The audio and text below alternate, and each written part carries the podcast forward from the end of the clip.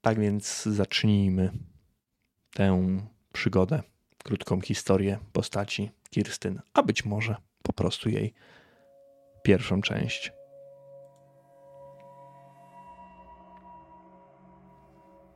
Jesteśmy w gdzieś na przełomie 2499 i 2500 roku kalendarza imperialnego. Przełom 25 i 26 wieku przynosi dla ludu imperium tyle samo pytań, co odpowiedzi.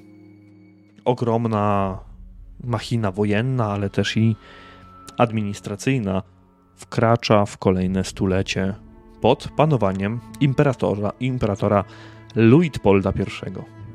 W Waldorfie coraz więcej mówi się o rosnącej paranoi władcy i z nadzieją spogląda w stronę dwudziestoparoletniego syna imperatora, Karla Franca. Niektórzy odliczają jedynie dni do przejęcia władzy przez syna, co według ludzkich opinii poprowadzić ma kraj do wielkości. Mieszkańcy rybackiej wioski Undlingen, leżącej na brzegu rzeki Reich, nie muszą martwić się takimi sprawami.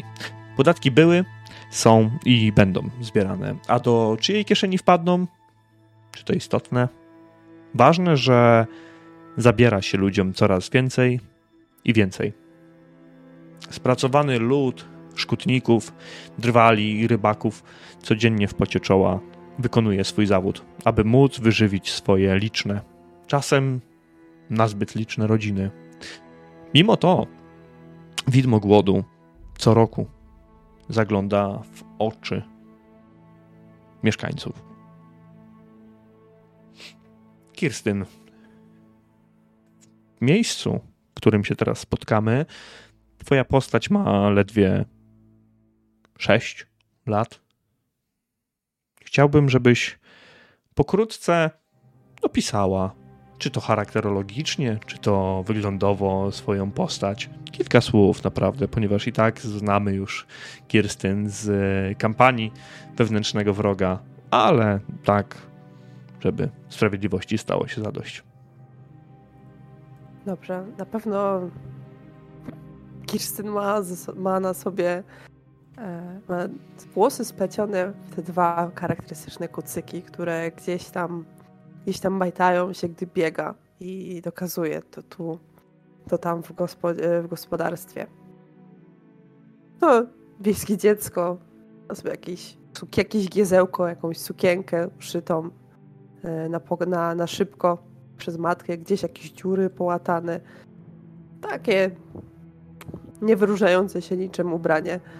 E, cóż. I właściwie wygląda jak, jak, jak dziecko każde, każde z wielu w typowej wiosce. Brudne kolana, podarte, podarte, podarte ubranko. E, ale jest to dziecko na pewno żywe. Wszędzie, wszędzie jest jej pełno, wszędzie, wszędzie biega, wszędzie dokazuje, wszystko chce zobaczyć, wszystkiego dotknąć i cóż, ona ku nieszczęściu jej rodziców no już mówi, więc, więc mówi. I to bardzo dużo. Czasem bez sensu, ale chodzi o to, żeby, żeby mówić, żeby słowa mogły opuszczać jej usta.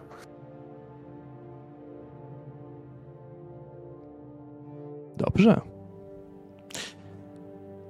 Ciepłe letnie popołudnie mijało ludziom na pracy oraz przerwach spędzanych w lokalnym zajeździe. Słaba strawa, cienkie piwo to zdecydowanie szczyt, na jaki mogli sobie pozwolić. Ojciec twój odstawił na blat kolejny kufel po piwie z głośnym trzaskiem. Odchrząknął zdecydowanie, aby zwrócić na siebie uwagę oberżysty. Następnie, po krótkiej chwili, kolejne piwo wylądowało przed nim. Piąte, szóste, może siódme. Natrętna mucha latająca gdzieś koło niego dokończyła żywota, trafiona szybkim i silnym uderzeniem jego ciężkiej ręki. Zabrał ciebie. Tutaj. Nie wiadomo po co tak naprawdę. Często zabierał cię bez słowa, a potem siedział przy kwasie, popijając piwo, puszczając cię często samopas, a ty mogłaś dokazywać w lokalnym przybytku, gdzie było ciepło, duszno, czuć było zapach piwa, często też już tego spożytego przez ludzi siedzących w karczmie. Czasem zdarza, zdarzało się, że dostałaś też coś do jedzenia, ale ojciec głównie zamawiał piwo. W samej karczmie nie było zbyt wielu gości. Dlatego z radością przyjęłaś fakt, usłyszałaś, jak dwójka urwisów lokalnych, Olaf i Bruno, stojąc przed przybytkiem, przybierając dziwaczne pozy i dzierżąc w dłoniach kije, okładała się nawzajem po głowach i po ciele. Dwóch rycerzy, jakim się zdawało być, dwóch wojowników, chociaż prawdopodobnie jeden z nich zostanie kiedyś drwalem, a drugi szkutnikiem. I tyle. Tyle będzie z ich wojowania. A ty? Jakie miejsce zajęłaś w tym wszystkim? Kręciłam się po karczmie tutaj. Pozaczepiałam, pozagadywałam troszkę gości, którzy są, ale niezbyt długo ze mną porozmawiali. Chciałam zagadać ojca, ale ten zajęty był bardziej piciem piwa niż, niż rozmową ze mną, więc y, wspięłam się na stołek, wyjrzałam przez okno i przyglądałam się chłopcom, po czym tylko odwróciłam się w stronę taty i krzyknęłam to, to ja mogę wyjść na dwór, mogę, mogę proszę. Kiedy krzyknęłaś to, dość mocno zaangażowana, widzisz jak mężczyzna, twój ojciec pociąga długie, długiego, naprawdę dużego łyka i odstawia ten kufel na, na blat, a następnie ciebie, niczym tą natrętną muchę, odgania gdzieś tak z ręką, żebyś sobie poszła. Już nawet, nawet nie odpowiada, tylko kręci głową. Kiwam, kiwam głową, potrząsam nią, a te kucyki majtają się, się gdzieś na moich plecach i wybiegam po prostu z tej, z tej karczmy przed nią i ja też mogę się bawić? Dwóch chłopaków jakby mierzy cię wzrokiem. Znasz ich? Może gdzieś z widzenia? Patrzą się na ciebie zdziwieni nieco. A masz swój kij? Nie, ale znajdę. To jak będziesz miała kij, to przyjdź. Dobra. Ja biegnę szukać kija. Jakiegokolwiek. Wpadasz z powrotem do tej karczmy nawet. I zauważasz od razu pod jedną ze ścian wiadro. Wiadro z mopem, a obok tego widzisz taką dużą miotłę do zamiatania. Trzonek wydaje się być w tym momencie wręcz idealny do naparzania się z tymi urwisami. Ja nie myślę zbyt wiele. Podbiegam do tego mopa z wiadrem i do tej, tej miotły. Powiedz mi, czy w tym wiadrze jest jakaś woda, czy Oj, jest tak, puste? są pomyje, taka brudna woda.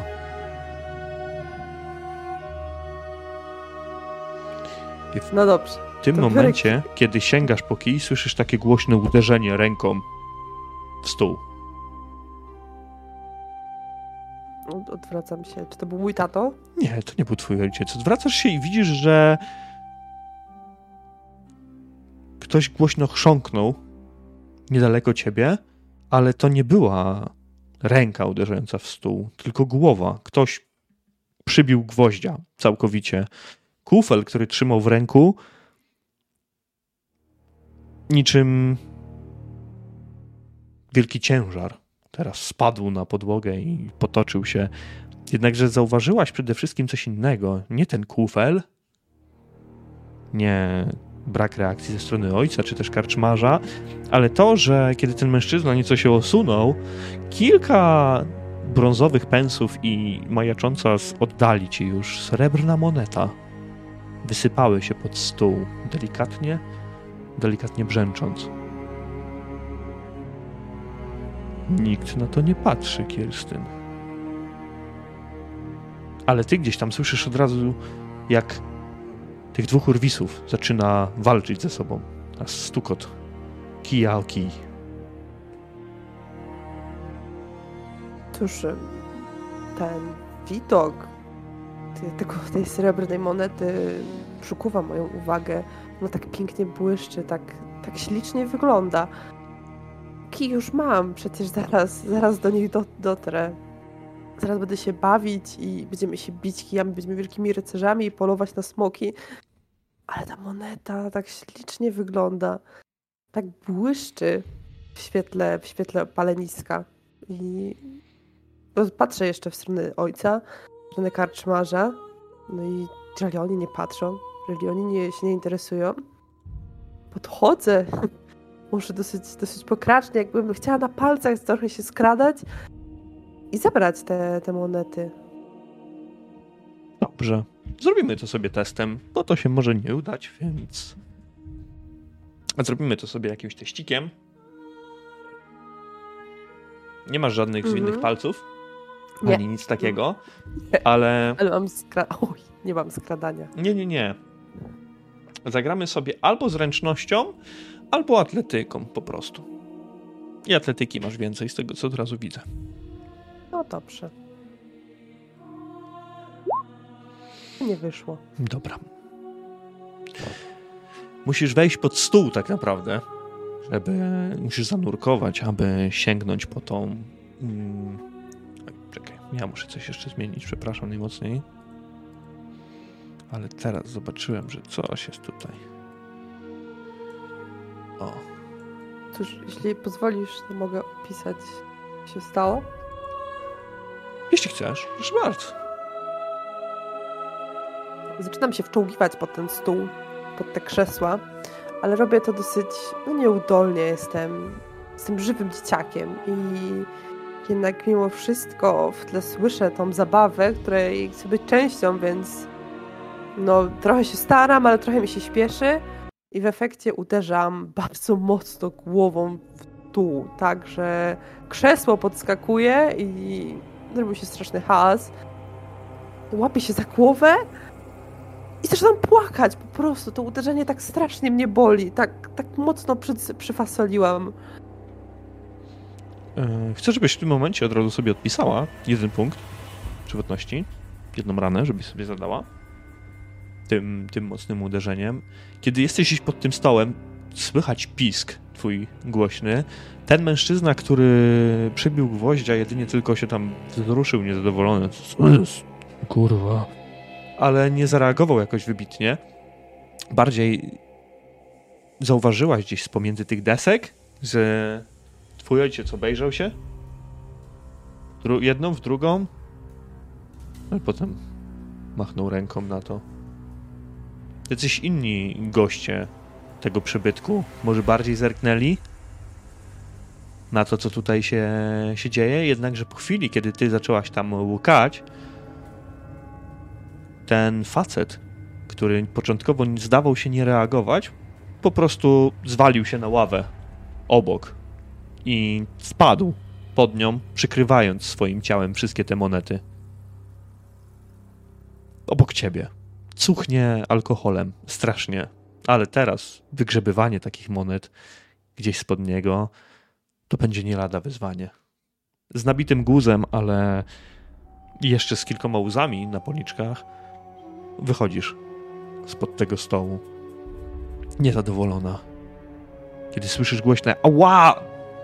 Bolało! Głupi jesteś! I kolejne uderzenie. I jeszcze jedno. Cieram, cieram rękawem łzy, ciągam nosem. Patrzę jeszcze w stronę ojca, który no nie ignoruje mnie, więc nie mogę, nie mogę się do niego nawet przytulić, złapać, złapać tej chwili, o, chwili otuchy i, i pocieszenia, gdyż z mojej winy, ale zrobiłam sobie krzywdę. Łapię za miotłę, wychodzę z tej karczmy, pociągając nosem i mam kij. Widzisz, jak chłopiec imieniem Olaf okłada tego Bruna. Tak, ten Bruno już leży praktycznie na ziemi, broni się tym kijem, ale ten go naparza z góry cały czas. Widzisz, że uderzył go kilkukrotnie, bo chłopak praktycznie rękę ma położoną przy swoim ciele, tak jakby coś tam gruchnęło głośno, ale ten jeden się nie zatrzymuje. Kiedy ty wychodzisz, mówiąc, że masz kij, dopiero interwencja kogoś starszego. Krzyczy, ej, gówniarzu, co ty robisz? I ciężkie kroki jednego z rybaków w waszą, można by rzec, stronę. Jakby oni śmielają tego chłopca, który przestaje uderzać, ale nic nie mówi. Po chwili jednak wznosi ręce ku górze. Wygrałem! Jestem lepszy od niego. Jestem prawdziwym wojownikiem, rycerzem. I spoglądając się na ciebie, wystawia ten kij. Teraz ty. Nie możesz zbić jakiego. Mogę, bo jestem rycerzem. A wy jesteście potworami, które trzeba ubić. Ale ja jestem mniejsza. Młodsza. To albo walczysz, albo idziesz yy, płakać do domu. Mm, Nie. Nie idę płakać do domu. Będę, będę się bić i, i ja ci. Ja cię zbiję i. I to ty będziesz płakać w domu. Wykonajmy sobie test.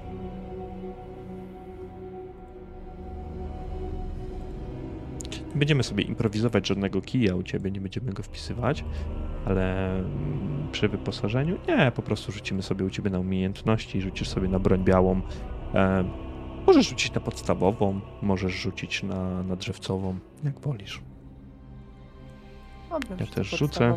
Ja rzuciłem 71. Okej, dobra. Chcesz zostawić ten wynik, czy chcesz go przerzucić?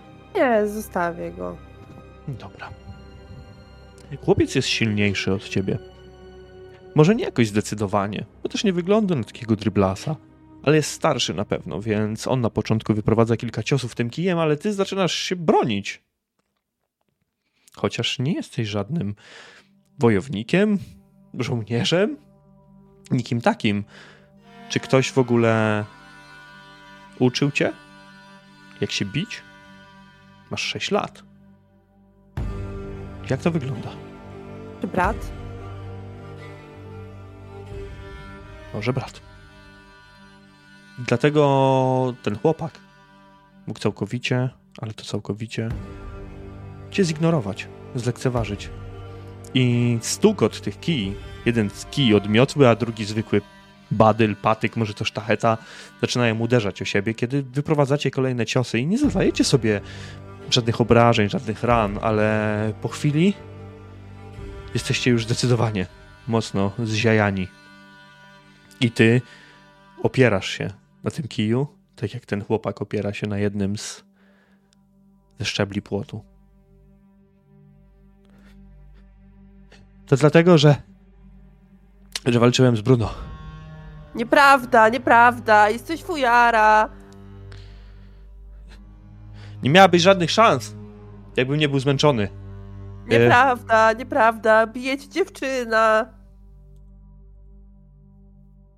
Rzucasz mu takie prowokacyjne wręcz teksty, zaczepki, a widzisz, że jego twarz zaczyna przybierać koloru purpury.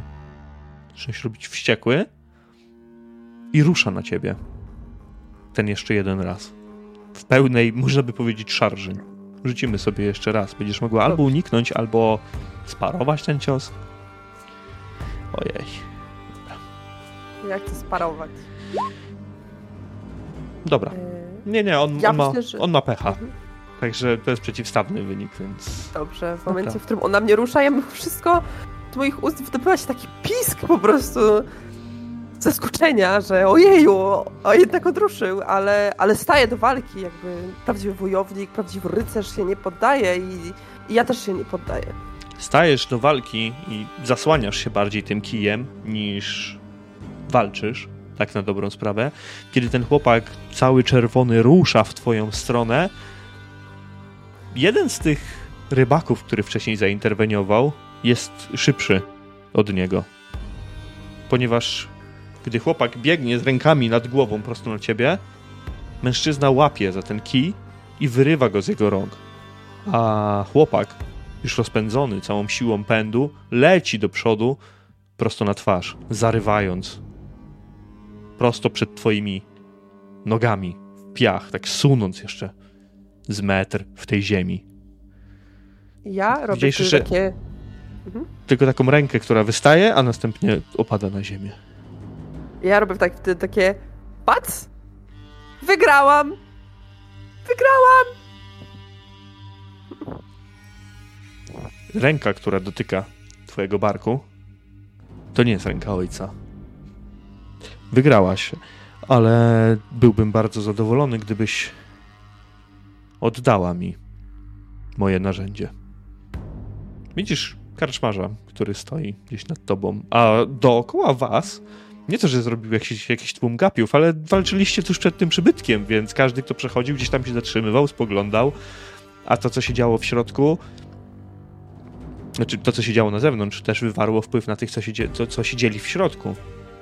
Kiedy odwracasz głowę, zauważasz swojego ojca, który stoi oparty gdzieś o, o framugę drzwi. Ale patrzy tak przez jakieś 5 sekund, po czym zawraca z powrotem do lokalu. Prze przepraszam, ale proszę. Mężczyzna odbiera to, co jego. Patrzy, czy nie jest jakoś zniszczone, pęknięte, no ale nie jest. Walczyłaś na tyle umiejętnie, jeśli mogę to tak nazwać, że nie uszkodziłaś tego delikatnego drewna. Po czym wraca po prostu do, do zajazdu, a w tym czasie chłopak zaczyna zbierać się gdzieś na kolana. Tamten drugi już w ogóle się gdzieś może na początku od, odczołgał, odtoczył, a, a potem pobiegł w stronę nabrzeża. Móc temu chłopakowi, jeżeli on się gramoli z tej ziemi, to podejść, jakby nawet go tak, wiesz, tak złapać go delikatnie, także ja rzeczywiście nie pomagam mu wstać, ale kładę na nim ręce, tak w geście takiej pomocy. Dzięki. E, też możesz być rycerzem, jeśli chcesz. Nie musi być Serio? jeden rycerz Fundlingen. Super. Może, może będziemy teraz yy, tymi, tymi rycerskimi tymi przyjaciółmi możemy być. Jakbyś była potworem, to byś pewnie mnie zjadła, a nie zjadłaś mnie, więc nie jesteś potworem. Tak, nie jestem. Ale gdybym była, to bym miała takie wielkie zębiska i takie długie uszy i ogon i miałabym takie małe skrzydełka. Po co? Żeby wyglądały. Te skrzydła są do latania. Co ty głupia jesteś? Ale, ale ja, ja nie chcę mieć takich dużych skrzydeł, bo one są pewnie ciężkie, a takie małe to tyle nie są takie ciężkie. Tylko wiesz, uważaj, bo tatko mówił, że jak się człowiek modli nie o to, co trzeba, to, to się może coś złego stać. I, i, i podobno e, tatko widział takie osoby, co im y, różne rzeczy wyrastały. Mutanty. Tak mówił. A to zło. Ja nie jestem taka. Ja się modlę do, do Sigmara, tak jak tato powiedział. Chociaż mój tata mało mówi, ale jak mówi, to, to trzeba słuchać. No, Może i tak. Ja tam wolę jednak, jak mój tato mówi, bo jest mądrzejszy. Kiedy wymieniacie się takimi zdaniami, odgłos końskich kopyt połączony z delikatnym, ale delikatnym turkotaniem dwukółki roznosi się gdzieś po małym placyku, gdzie niegdzie wyłożonym kamieniami. Stojące na środku tego placu pomniejsze kapliczki, bo inaczej byśmy tego nie nazwali, zwykłe takie nie wiem, totemy, o tak delikatnie e, naciągając. Sigmara, Tala, Ryi i ta poświęcona rzece, patronowi, czyli Rejkowi, ozdobione są teraz darami mieszkańców.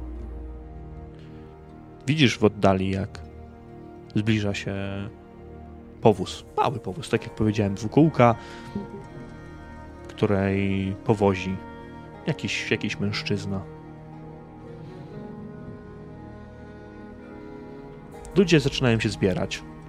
Wychodzą naprzeciw, nawet ci, którzy siedzieli w karczmie, ci, którzy pracowali, ci, którzy przyozdabiali te kapliczki, ale też mieszkańcy.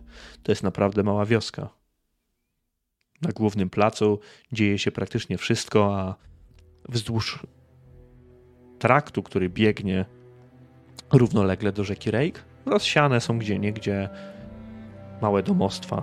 Nie ma tutaj gospodarstw wielkich, ponieważ wszyscy, tak jak powiedziałem, żyją albo z wycinki lasu, albo z rybactwa. Twój dom jest gdzieś kilka, może kilkanaście chałup dalej, położony przy, przy samej rzece. To, że tutaj dość wymownie pachnie w całej wiosce, to raczej coś normalnego i wasze nozdrza zdążyły się już tego, do tego przyzwyczaić, nawet nie, nie czujesz różnicy. Ale różni miejscowi wielokrotnie opowiadali o tym, jak Wunlingen cuchnie.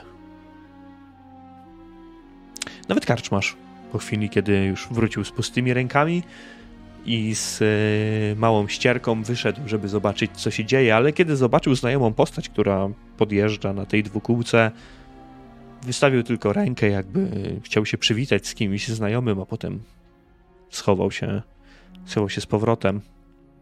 Ponieważ przyjechał młody kapłan Sigmara, Martin Tillendorf, przybył jak co miesiąc do mieszkańców Unlingen z klasztoru położonego kilka dni drogi na zachód w stronę Karoburga. Tobie ta postać też jest oczywiście znana. Nie jest to jakiś twój znajomy, ale też nie ma żadnego powodu do, do obaw. Kapłan zatrzymał konie nieopodal zajazdu i twoje bystre oko od razu dopatrzyło się tego, jak mężczyzna wręcza stajennemu chłopakowi kilka brązowych pensów, aby ten na czas postoju zaopiekował się jego podopiecznymi, dwójką, dwójką koni. Młodzian skłonił się i odbiegł w stronę studni, wracając po chwili z dwoma wiadrami wody. Następnie wbił na widły nieco siana, wrzucając je bezpośrednio do paśnika. Wiesz, że ten kapłan nie musiał tego robić, ale to dobry człowiek. Tak o nim mówią, gdzieś też słyszałaś. Po prostu to dobry człowiek. Kilka takich pensów brązowych potrafi napełnić brzuch i to na długie, długie godziny, a niektórym, jeżeli potrafią sobie racjonować, to na długie dni. Często wokół tego Sigmaryty zbierała się cała gromadka dzieci, które widząc właśnie blask monet i słysząc to, co mężczyzna ma w sakiewce, wręcz służalczo zachowywały się w, wobec niego. Ale. Podbiegłam mhm. do niego od razu, jak, jak go zobaczyłam, jak go rozpoznałam. Dzień dobry, dzień dobry. Ale fajnie, że to kapłan już przyjechał. Mężczyzna spogląda na ciebie. Młoda Kirsten. Dobrze pamiętam. To ja. Witaj, Kirstyn. Um, zechcesz mi pomóc? No pewnie. A co mam robić? Poczekaj. Poczekaj. Jego krok był delikatny, miękki. Kiedy mężczyzna szedł, praktycznie nie wydawał żadnych, żadnych dźwięków. To nie był ten opasły kapłan, którymi straszono dzieci. To był naprawdę młody, młody mężczyzna, który od jakiegoś dopiero czasu prawdopodobnie służył Sigmarowi. Gdy zatrzymywał się przy poszczególnych kapliczkach, składał krótką modlitwę, a następnie ciebie wzywał ruchem ręki, abyś podeszła i, i pomogła mu, czy to przy jakichś ziołach, czy to przy jakichś małych, pomniejszych relikwiach. I oprócz tych dzieci, oprócz ciebie, dookoła duchownego po chwili zebrała się cała grupa wyznawców, która w ciszy, bo w ciszy, ale poczęła modlić się o pomyślne pomyślne czasy. Mężczyzna patrzył na ciebie co chwilę i wykony, wydawał jakieś polecenie pomniejsze. To, żebyś poszła po, po wodę do studni też, albo żebyś zrobiła coś innego, żebyś tutaj przytrzymała jakąś misę. Kiedy rozpalił jakieś zioła, też poprosił ciebie, żebyś trzymała i tak dalej. Takie pomniejsze, pomniejsze rzeczy. Ale widziałaś, że inne dzieci patrzyły się na ciebie z zazdrością. Ja byłam, a ja byłam taką gwiazdą w tym wszystkim. Czułam się taka wyjątkowa i ważna, że to właśnie kapłan mnie prosi, że to ja mam trzymać misę, że to ja mam przenieść wodę. I tak zadzierałam głowę i tak patrzcie, to, to, to ja jestem ważna i super, nie dość, że przed chwilą stałam się rycerzem, to teraz jeszcze pomagam kapłanowi. Więc zdecydowanie pomimo guza na głowie to jest dobry dzień dla Kirsyn. To, co wydarzyło się później, wydarzyło się zdecydowanie szybko, jeśli tak mogę to ująć.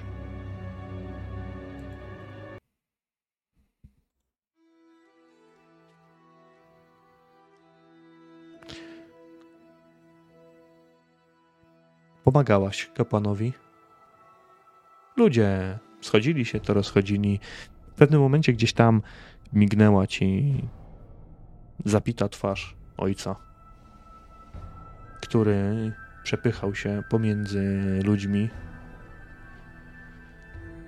a następnie podchodząc do ciebie, stając między tobą a ojcem Martinem, chrząknął tylko, jakby chciał zebrać słowa, i wręczył kapłanowi coś w rodzaju tobołka, czegoś takiego, jakiejś sakwy dużej.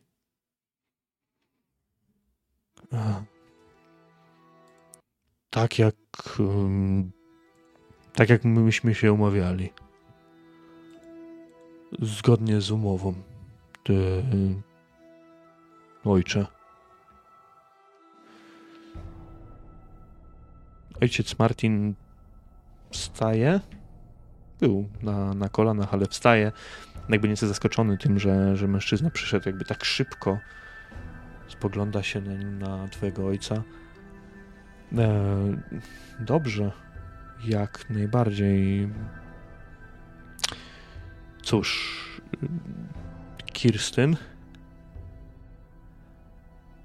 E, pojedziesz dzisiaj ze mną do Schreiberau. A kiedy wrócę? Na jak długo? Nie pożegnałam się z mamą.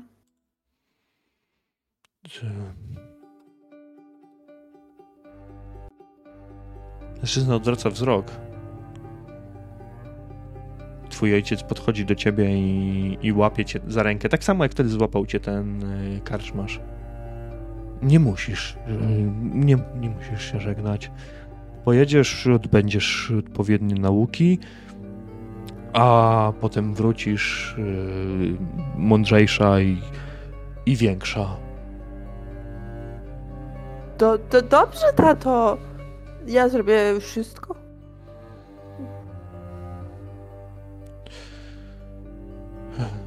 Ale y, jak wrócę większa, to to chyba trochę minie, tak? O, ja będę tęsknić.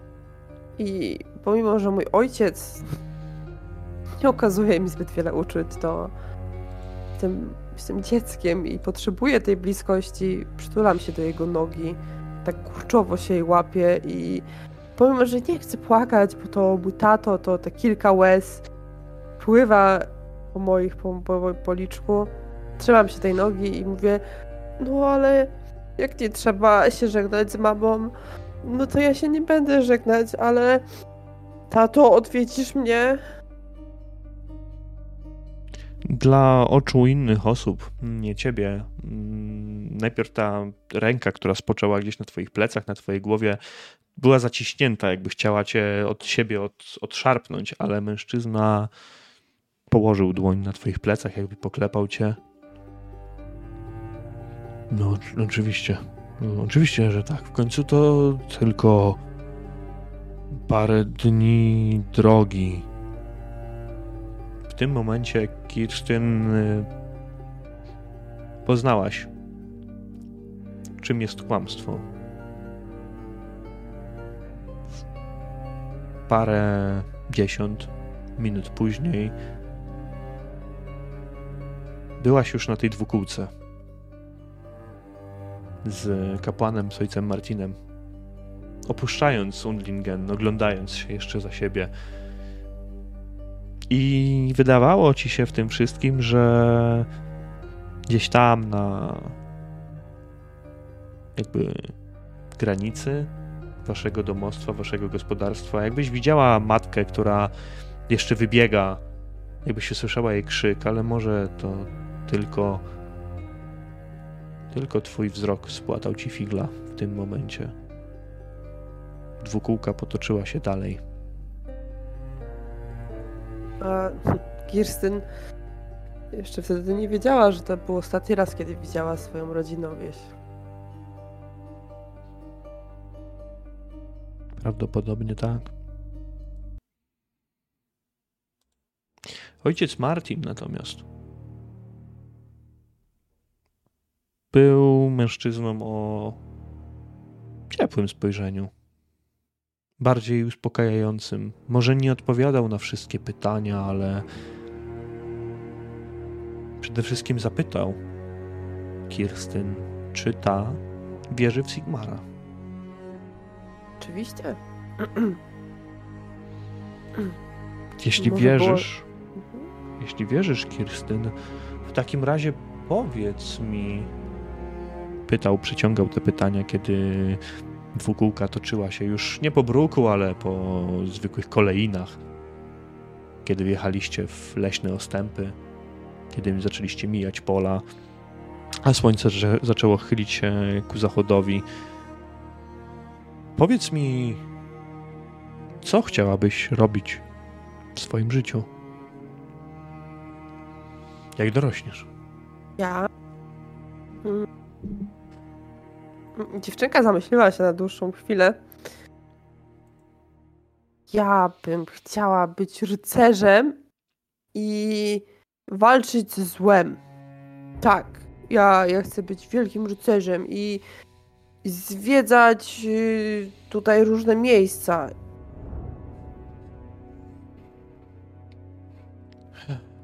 Słyszysz głośne westchnięcie mężczyzny, który nie spodziewał się takiej odpowiedzi z jednej strony. Może gdybyś była chłopcem w tamtych czasach, może by to przyjął inaczej, ale od dziewczynki. Ojciec Martin prawdopodobnie już wtedy zdał sobie sprawę z tego, że zachowanie, ale też i cała postawa Kirstyn przysporzy mu pierwszych siwych włosów na skroni w odległym, albo i nawet nieodległym czasie. Skwitował to kilkoma słowami, takimi, które na pewno nie wyprowadziły cię z, z tego poglądu, ale też i nie potwierdziły, ponieważ on już doskonale wiedział o tym, że los miał dla ciebie może trochę inne, wobec ciebie trochę inne plany. Na zdrowie. Dziękuję. Do zabudowań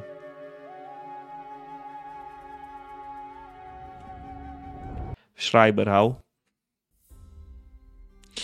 Docieracie późnym wieczorem, praktycznie kilka dni później. Jesteś zmęczona, mimo że spaliście w różnych zajazdach, salach wspólnych, to po pewnym czasie zaczęło ci doskwierać to, że nie ma tutaj twoich bliskich. Że czas jest naprawdę względny. Coś, co jeszcze kilka dni temu wydawało ci się tym, że powrócisz, kiedy będziesz większa, po kilku dniach wydaje się być nieskończonością. A z drugiej strony, jak masz wrócić, skoro nie wiesz, którędy do Unlingen? Tyle razy skręcaliście, tyle razy zatrzymywaliście się i jechaliście dalej, że po kilku liczeniach zakrętów pogubiłaś się, przestałaś liczyć.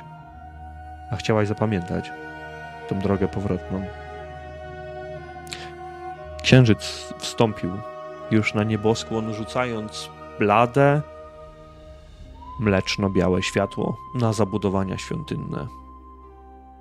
Na klasztor składa się główny budynek przeznaczony dla wiernych oraz kilka pozostałych stajni, miejsc sypialnych, dużej biblioteki. Każde z tych miejsc już z dystansu pokazuje ci ojciec Martin, opowiadając co nieco o życiu zakonników, etc. Tak, żeby dziecko mogło zrozumieć. Ostatnim miejscem, jakie wskazuje, jest mała przystań przynależąca do budynków zakonnych, klasztornych. Miejscowość także usytuowana jest nad brzegiem Rajku. Jednakże przy Molo sumować mogą jedynie pojedyncze, mniejsze, mniejsze jednostki. Duże statki na pewno nie. Takie, które kilkukrotnie w swoim życiu już widziałaś, ale zobaczyłaś znowu tą samą rzekę, która także przepływa obok Unlingen, więc zrobiło się jakby lepiej, milej. Zawsze będę mogła wrócić rzeką do domu wzdłuż rzeki. To jest zawsze zawsze jakiś, jaka, jakaś, jakaś droga i, i to sobie pomyślała mała Kirsten na pewno, że nie jest tak źle. Rzeka mnie doprowadzi do domu, ale już jestem trochę duża, czy może już mogę wrócić? Przecież minęło to kilka dni, ale kapłan mówił, a ja nie przerywałam mu. Słuchałam opowieści. Kiedy pokazywał ci przystań, Zauważyłaś, że jedna z jakichś tam pomniejszych takich jednostek pływających zajmuje miejsce na brzeżu, unosząc się i opadając na delikatnych falach uderzających do brzegu. Na Schreiberau składa się także kilka, kilka, może kilkanaście zabudowań mieszkalnych przeznaczonych dla zwykłych mieszkańców, trudniących się hodowlą bydła i pracą na roli. Ojciec Martin zaczął mówić o tym, że dobrzy ludzie pomagają tutaj, pracują w pocie czoła, że zakonnicy także im pomagają, a oni pomagają zakonników. I tak to życie tutaj płynie powolutku w Schreiberau. Kiedy dojeżdżacie już na miejsce, ojciec Martin spogląda jeszcze na ciebie. Najpierw sprawy ludzkie, potem sprawy boskie ale by te pierwsze nie przeszkadzały tym drugim, pewnie jesteś strasznie głodna, co?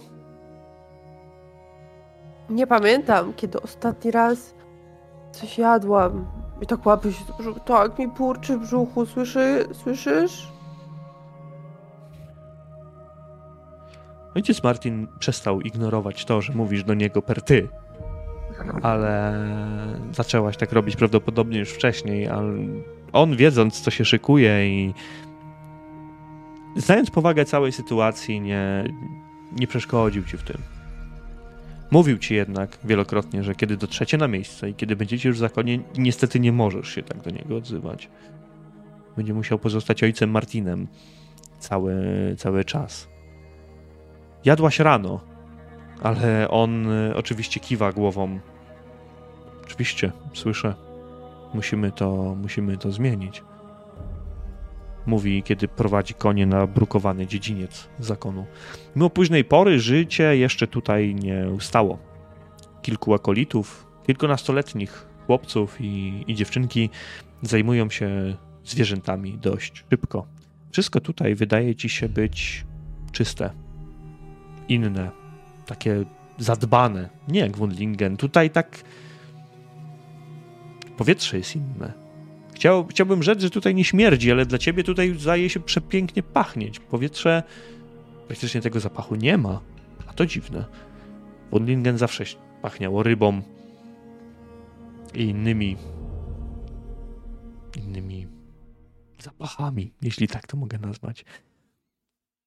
Jeśli połączyć to z tym poczuciem bezpieczeństwa i przytłaczającą aurą kapłańską, to wiadomo, że Sigmar jest blisko ludzi właśnie w takim miejscu jak to. Mężczyzna prowadzi cię teraz dalej, kiedy zauważasz rzeźbę młotodzierżcy, która góruje nad dziedzińcem, a pierwszy imperator swoim surowym, ale czułym wzrokiem zdaje się spoglądać na was, na ciebie, Kirstyn. Takiego pomnika, takiego posągu jeszcze w swoim życiu nie widziałaś. Rozdziawiam gębę, jak widzę ten pomnik. Mój, wzrok pada na ten, najpierw na, na twarz imperatora, a później na wielki, wielki młot. Stoję z takimi ustami otwartymi. Wow. Ale on jest wielki i piękny. I tak wyciągam rączkę w jego stronę, jakbym chciała dotknąć, zobaczyć, czy jest prawdziwy, jakby, jakby był wytworem mojej wyobraźni. Przecież to jest niemożliwe, że coś tak wspaniałego może, może być prawdziwe.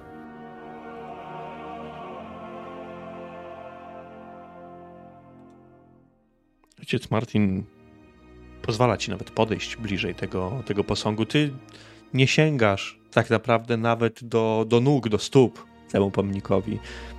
W, swoju, w ciągu swojego życia dowiesz się, że nie jest to wcale jakiś największy pomnik Sigmara. Jest to zwykły mężczyzna, no trochę większy, żeby nadać chwałę temu miejscu, ale w tym momencie jest kolosalny, jest ogromny, przepotężny. Kiedy podchodzisz nieco bliżej i chcesz dotknąć tego pomnika?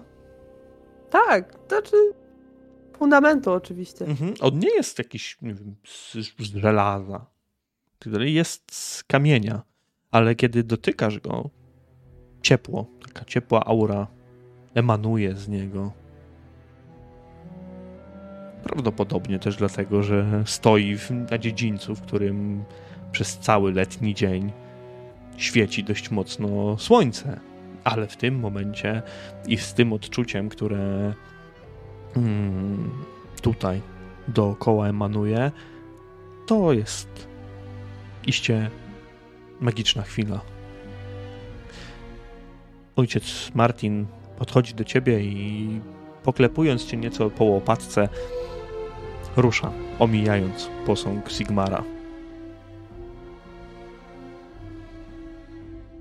Jakby przechodzi za niego dalej. Oczywiście, bo dążam za nim, ale idę, ale oglądam się jeszcze na pomnik. Jakby chciała zapamiętać dokładnie, jak wygląda każdą, każdą, nie wiem, każdą rysę, każde, każde wgłębienie, chociaż tego jeszcze Kirsten nie wie, ale przy przestrzeni następnych, następnych lat miała bardzo dużo czasu, żeby go dokładnie, dokładnie przestudiować. Zdecydowanie tak. Przechodzicie przez łukowaty portal wprost na krużganek. Zaraz za nim, w świetle księżyca, zauważasz, jak to pięknie nazwać,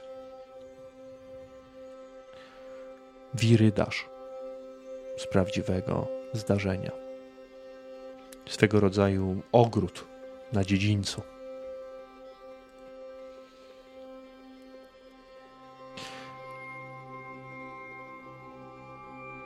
Kwiaty i rośliny zdobią ten wewnętrzny park, a majestatu dopełnia niskie, aczkolwiek rozłożyste drzewo Poświata księżyca rozlewa się na liściach, a gdzieś z oddali dochodzi do twoich uszu pochukiwanie sowy. Wszystko to miesza się z odgłosami i przede wszystkim zapachami dochodzącymi z czymś, z miejsca, którego nie trzeba ci przedstawiać, bo ty wiesz, że to jest kuchnia i jeśli jesteś tutaj pierwszy raz, bezbłędnie odgadniesz, gdzie się znajdujesz. Ojciec Martin idzie w tamtą stronę, naturalnie. I choć ogród jest piękny i ta ilość kwiatów jest, jest przytłaczająca e, dla mnie, tak te zapachy, które się niosą z kuchni i perspektywa tego, że tam jest mnóstwo smakołyków, a odkąd ja jestem z ojcem, to zaczęłam jadać i to jadać regularnie. Tak, cóż, do dobrego szybko jest się, można się przyzwyczaić, więc przybieram małymi nóżkami, biegnę za, za, za ojcem. W pewnym nawet może wybiegam przed niego, jakby już, ja już wiem dokładnie, gdzie idę. Wbiegasz do środka, kiedy wbijasz się w środek jakiejś rozmowy, jakiejś wymiany zdań. I on mi wtedy mówi, że tak naprawdę to różnica jest niewielka. Zamieniłem zbroję na habit, a pole bitwy na świątynne mury. A to oznacza, że moi bracia zakonni to horda goblinów. ma to sens, ma to sens. Często nawet wygląd się zgadza. I rechoczący śmiech roznosi się po jadalni. Kilka długich stołów i ław jest teraz praktycznie puste, jednakże jedno miejsce zajmowane jest przez niskiego, łysiejącego mężczyznę, który za maszystymi ruchami rozprawia się teraz z potrawą postawioną przed nim. Ściany tego pomieszczenia są dość surowe, wybielone, jednakże zawieszone na nich są liczne religijne symbole. Od młotów po komety. Z oddali widzisz płomień paleniska kuchennego, na którym zakonnik kucharz przyrządza wieczorną strawę. Kilku akolitów zajmuje się wypiekaniem świeżego chleba i ten połączony zapach od razu powoduje nadprodukcję ślinianek u ciebie, zwłaszcza, że tamten mężczyzna już coś, już coś zajada. O, Martin, ojciec Martin, jakże miło mi jest ojca widzieć. Śmiało, przysiądź się. O, widzę, że masz gościa. Mężczyzna wyciąga rękę w twoją stronę, oblizując najpierw palce, kiedy wy podchodzicie. E, Józef Kwardzin, bardzo mi miło. Ściskam tam jego rękę, tak ja się czuję taka bardzo ważna, tak jak widziałam, że my, że dorośli oni tak robią, że ściskają sobie ręce, więc ja tak wycieram w moją sukienkę i wyciągam tą rękę tak Kirstenherz! Mężczyzna uśmiecha się, ty czujesz tą teraz ręka będzie ci się trochę lepić na pewno po tym, jak, jak ścisnęłaś tą dłoń. On jej jakoś nie, nie zaciska zbyt mocno, ale czujesz, no to jest jednak e, kawał chłopa, że tak powiem. Ojciec Martin odchodzi w stronę jednego z kucharzy, aby wziąć też jedzenie dla ciebie, a Józef jakby kontynuuje w twoją stronę. E, jak to mówią, e, wojna dla najstarszego syna, a habit dla najmłodszego, co? Tak ci się trafiło. Nie. Ja mam młodsze rodzeństwo. A ja tu jestem tylko na chwilę, bo tato powiedział, że jak dorosnę, to wrócę, więc ja tutaj długo nie posiedzę, bo zobacz, jaka jestem już duża. No, no pannica z ciebie, to, to, to prawda, to ma się rozumieć, oczywiście.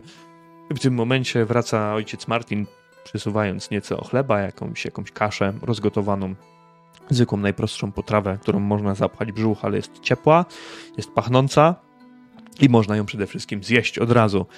Józefie, przyjacielu, twoja szczerość zaprowadzi cię kiedyś w kłopoty. A, już mnie zaprowadziła wielokrotnie, ale nie ma takich tarapatów, z której moja maleńka berebeli nie będzie w stanie mnie wyciągnąć. E, opowiadaj, przyjacielu, co takiego słychać w, w okolicy. I zaczynają, zaczynają rozmawiać. Jeżeli będziesz chciała się wciąć w jakimś momencie, oczywiście będziesz mogła, naturalnie. Ojciec Martin, y, przełykając nieco, nieco strawy, podróżuje jak zwykle o tej porze miesiąca. Niestety coraz coraz więcej rodzin oddaje swoje pociechy. Ciężkie czasy nadchodzą, tak czuję. Nie wiem, czy wejście w nowe stulecie przyniesie nam odmianę na lepsze. A jakże... Dają. E, Cisza. Następuje. Ale Kiedy- mnie nie oddali, prawda? Przecież wrócę. e, a jakże, przyniesie, Martinie, e, cesarz się zmieni, to na pewno. Józefie, nie wolno tak mówić. Nie tutaj, nie w miejscu uświęconym. I zignorowali ciebie całkowicie. E, Podobało mi się to. zapominam, Z- zawsze zapominam, no, wybaczcie mi mój język, no, wybaczcie, jutro i tak odpływam, więc zawracać wam głowy e, nie będę już takimi. A gdzie? E, Gdzie odpływasz? Do Altdorfu ma się rozumieć, a potem to może i do samego Marienburga na powrocie. Ja. Ja słyszałam o Altdorfie. A mogę popłynąć z tobą? E, no, oczywiście. I w tym momencie, kiedy ojciec Martin spogląda się na niego dość piorunująco, że nie jest to możliwe w tym momencie, chociaż bardzo bym chciał e, zabrać cię na e, taką przejażdżkę do Altdorfu i z powrotem, ale może jak podrośniesz, pomożesz mi nieco przy tych wszystkich tam rumplach, sztakslach i innych linkach, co? No pewnie, bo jak podrosnę, to będę wielkim rycerzem i ja będę musiała na czymś podróżować po świecie. E, moja Berebeli na pewno z radością przyjmie cię jako swojego e, no tam członka załogi. E, widzisz, że ten mężczyzna zaczął się pocić po prostu w tym wszystkim, co mówi. Y, Poczekaj, poczekaj, Józefie. Y, Znasz to miejsce jak własną kieszeń, ponieważ bywasz tutaj już od dawna. Jesteś w tym zakonie dłużej niż ja. Cenimy sobie muzyczkę na chwilę. Mm, Jesteś dłużej niż ja.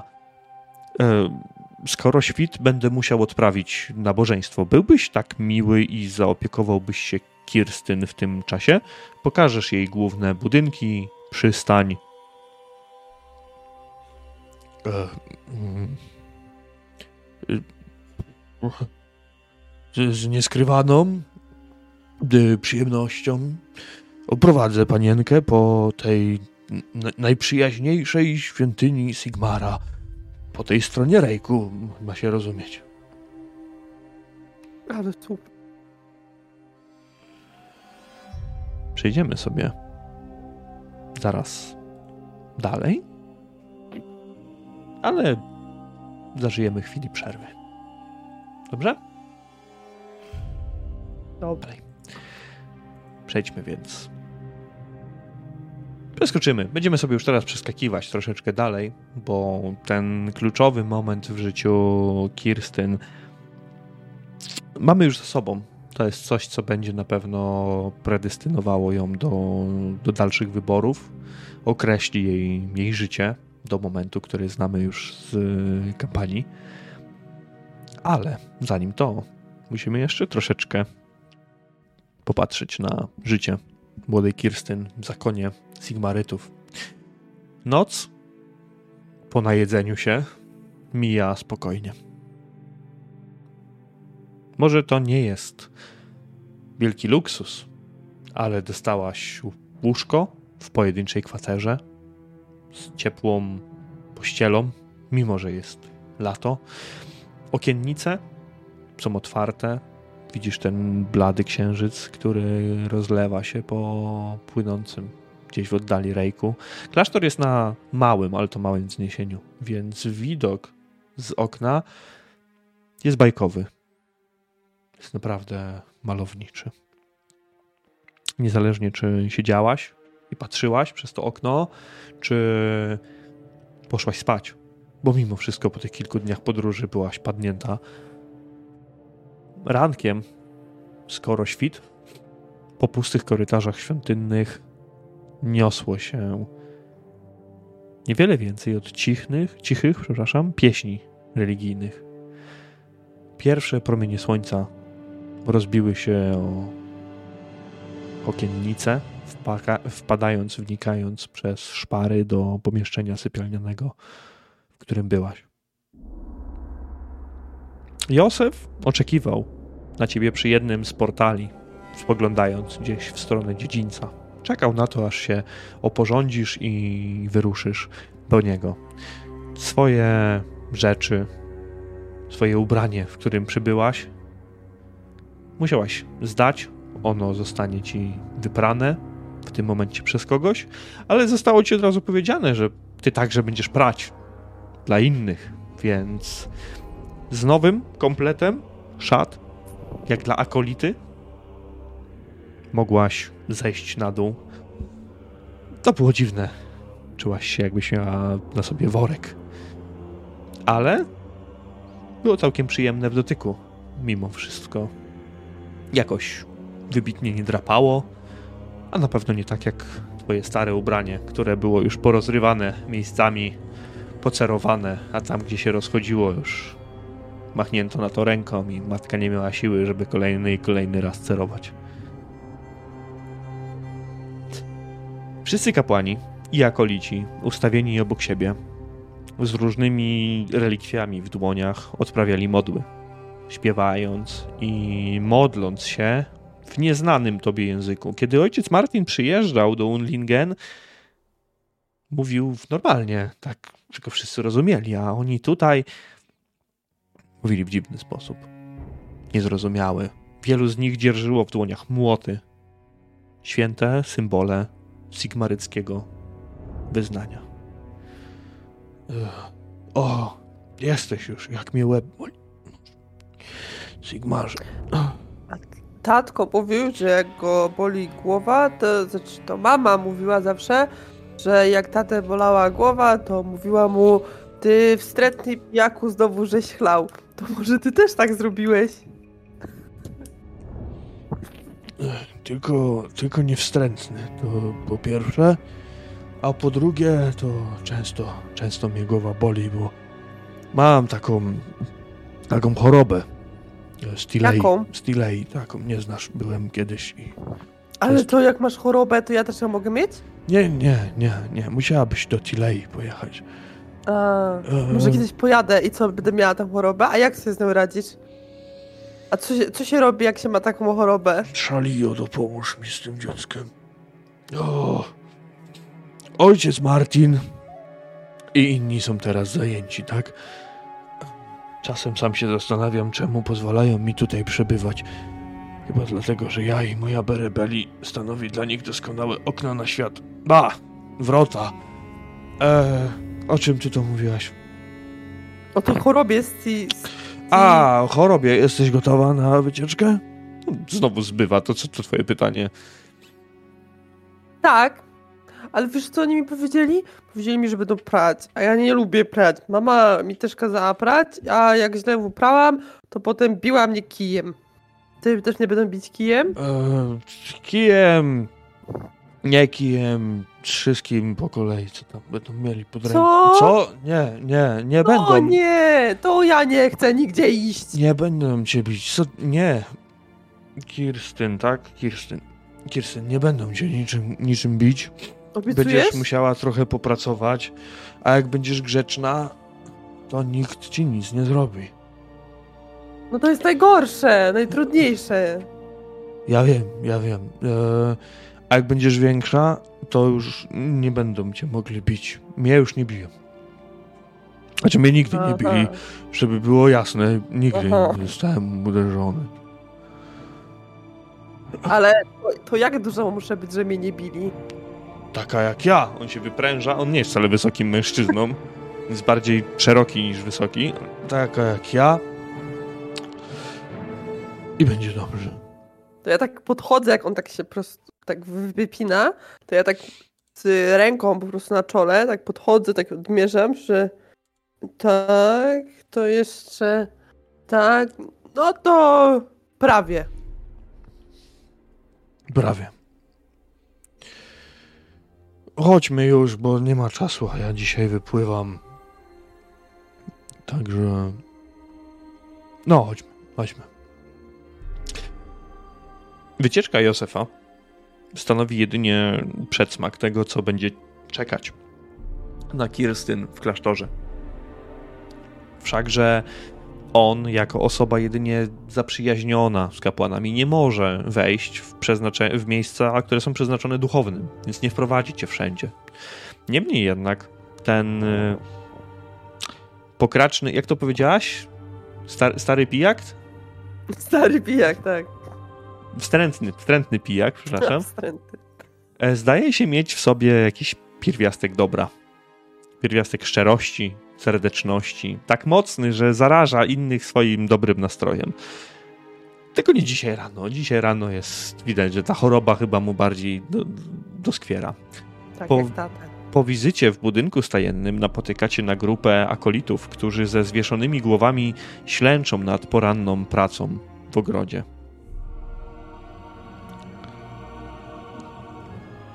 Józef jakby trzyma cię coraz nieco bliżej siebie, jakby złapał cię tak, tak za bark kolejny raz i przysunął, albo prze, jakby obok siebie przeprowadził na drugą stronę, żebyś szła tak z drugiej strony, jakby jego postać miała ciebie ochraniać by cię miała oddzielać od nich. Em, to moja droga, specjalny odłam akolitów. Wszyscy, którzy m, zielonoskórzy czy inne sługi chaosu pozabijały rodziny. Swego czasu sami tacy zgłaszali się, bądź byli ścigani, ściągani do świątyń, dlatego też zaczęto te sprawy badać i przyglądać się kandydatom. W końcu każdy może się za takowego podać, będąc, y, jak to mówią, wilkiem w owczej skórze, prawda? No, y, tak Aha. więc jak spotkasz kiedyś na swojej drodze kapłana, co będzie gadać, że mu rodzinę zamordowali, to możesz śmiało orzec, że jest jednym z tych tej większości, którzy mają taką samą rodzinną historię. Czasem mi się wydaje, że oni to nic innego nie potrafią wymyślić. Bili rodziny. Nie, nie zabili. Jeszcze raz? A mnie nie zabili rodziny, to, to, to a ja też już jestem ako, ako... Akolitko. Mam taki strój jak oni. No tak, ale oni patrz, oni wszyscy razem siedzą, a, a ty będziesz z innymi siedzieć. Aha. Aha, Odwied- okej. Odwiedzacie poza tym jeszcze inne miejsca. Takie typowe. Gdzieś przy studni.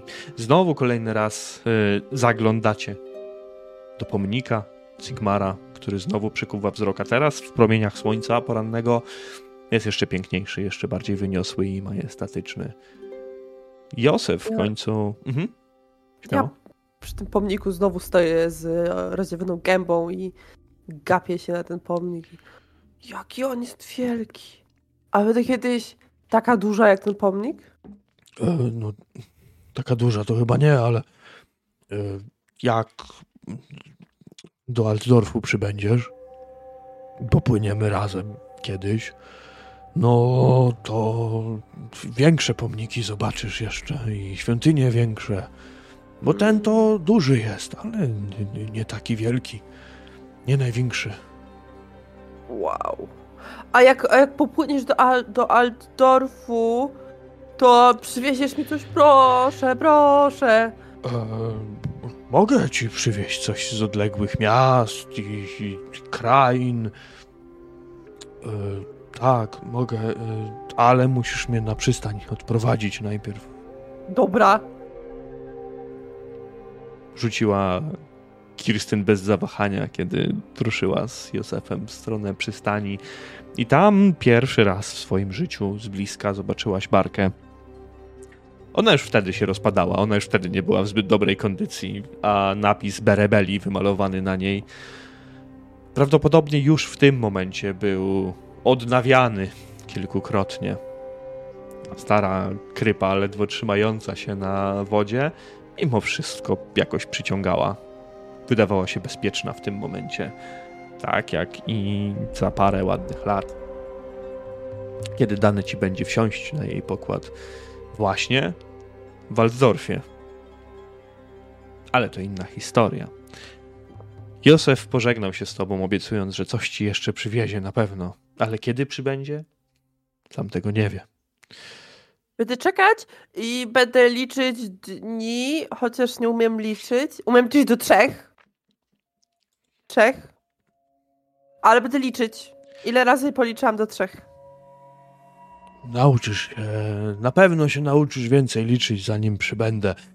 Odpowiadajesz, krzycząc bardziej, Józef w momencie, kiedy Berebeli zaczyna odbijać od brzegu, a kilku pomocników znajdujących się tam, jakaś kobieta, jakiś mężczyzna, pracują w pocie czoła, pomagając Józefowi, który zajmuje miejsce jakby kapitana na tym okręcie. A w tym momencie, Kirstyn, rozpoczyna się Twoje szkolenie.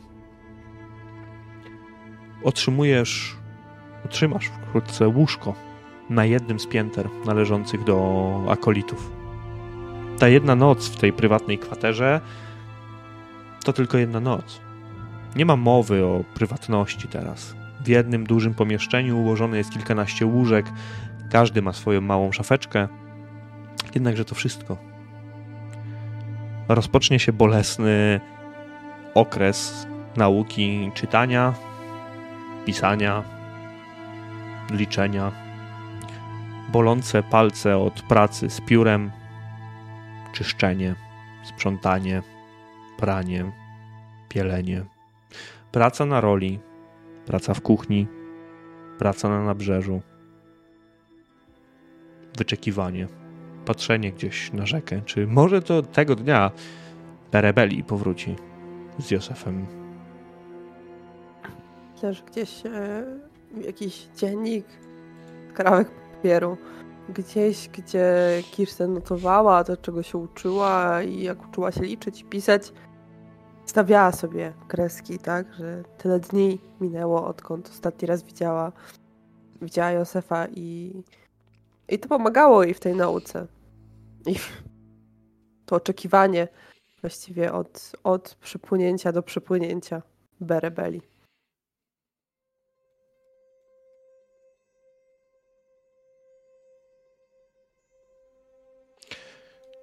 W tym wszystkim nie było za dużo miejsca na rozmowy z ludźmi spoza kultu Sigmara.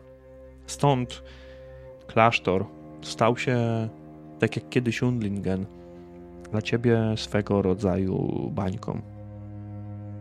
Dni mijały przeradzając się w tygodnie, tygodnie w miesiące, a miesiące powoli zaczęły przeradzać się w lata. Żywa pamięć o Unlingen, o rodzinie, o rodzicach zdawała się blednąć. To nie tak, że zapomniałaś, ale teraz całym twoim życiem było to, co dzieje się w klasztorze. Józef powracał. Raz na jakiś czas, raz na parę miesięcy, może czasem rzadziej, ale za każdym razem przywoził ci jakieś drobne podarki, czy to coś do skosztowania, czy to jakiś element stroju, czy to jakąś można by to powiedzieć badziewną, ale błyskotkę, coś, co mogłaś postawić na swojej szafce albo schować ją, schować do niej i mieć swojego, tylko twojego, Kirstyn. Ale zawsze po dniu albo dwóch, trzech Józef odpływał, znów pozostawiając pustkę. Ojciec Martin nie zmienił się, nadal był przyjaznym Sigmarytą jednakże miał też masę obowiązków, takich jak i ty, więc rozmowy były rzadkością. większą, coraz większą. Przeżyłaś wprowadzenie dla wszelakich akolitów pod okiem brata Sewerina, który zdawał się maglować i powtarzać jak mantrę te same, te same frazesy, jakby wypytując was i wyczekując od od Was jakichkolwiek odpowiedzi. Jasne, że spędzamy całe dnie na modlitwie. Tak, tak mówią o nas. Ci, którzy nie mieszkają, albo nigdy nie byli w zakonie. Już starszy kapłan, ale o naprawdę bystrym umyśle, mimo że siwy i chodzący w dość pokraczny sposób, z dość długą brodą, tak wciąż dopatrywał się tego, kiedy ktoś nie słuchał, kiedy ktoś dokazywał albo robił coś innego niż trzeba było, więc wielokrotnie ktoś dostał po łapach od niego. Tą osobą byłam niestety zazwyczaj ja. Kiedy Bo kol... ja, mhm. no. Dawaj, dawaj, dawaj. ja, nie, ja nie umiałam siedzieć na miejscu, bo niesamowicie trudne. Ja musiałam wierzgać nogami. To jest skubać, kręcić się, wiercić. Niejednokrotnie wzdechałam ciężko i teatralnie, co ewidentnie przeszkadzało. Przeszkadzało ojcu. A zaraz po tym na moich rękach lądował kij.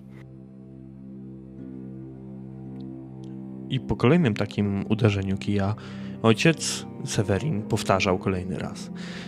Zaraz po tym, gdy skończymy szorować schody, zamiatać podłogę, zszywać szaty, polerować dewocjonalia, przygotowywać posiłki i przywozić zapasy z przystani. Tak, po tym w ciągu naszego dnia możemy się już tylko modlić. Tak jak mówię. Wszyscy Sigmaryci uwielbiają obrządek. Musicie go przestrzegać. Każda świątynia ma swój. I każda świątynia uważa, że ten ichniejszy jest najlepszy. Musicie się z tym pogodzić. Elementem każdego rytuału jest młot bojowy. Każdy musi go dzierżyć. Dopóki nie ma siły, może dzierżyć drewniany zamiennik. Kto wie, jak nazywa się święty młot bojowy Sigmara? Ja wiem, ja wiem. Przetoczyło się po sali razem z dziesiątką innych głosów. I ojciec Seweryn nie wybierał, tylko pozwalał wam zawsze churalnie odpowiedzieć, że był to Galmaras. Dokładnie tak. I w tym wszystkim, przy tych zdzieleniach po łapach, zawsze gdzieś na koniec dnia wstępował uśmiech na oblicze starego kapłana, kiedy jego nauki nie szły w las. Kiedy coraz więcej wiedzieliście. Mężczyzna kontynuuje. Wiele modlitw, których się nauczycie, posiada w swoich słowach wtrącenia w języku kazalit, w języku krasnoludów, największych sojuszników ludzi. Zapamiętajcie to na zawsze. Ludzie i krasnoludy od zawsze żyją w symbiozie. Jeżeli na waszej drodze pojawi się kiedykolwiek krasnolud potrzebujący pomocy, nie odmówicie mu jej. Zrozumiano. Każdy poranek witacie i witać będziecie wspólnie z nami modlitwą.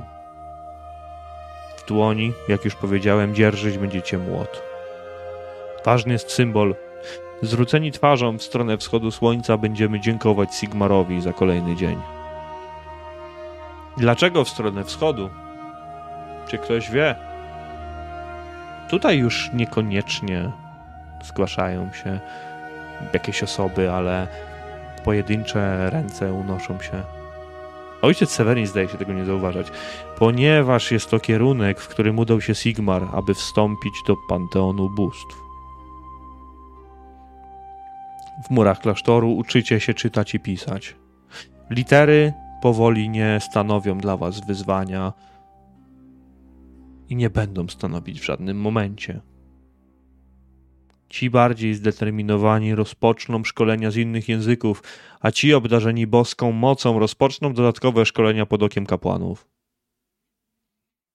W swoim klasztornym życiu spotkacie się z wieloma księgami.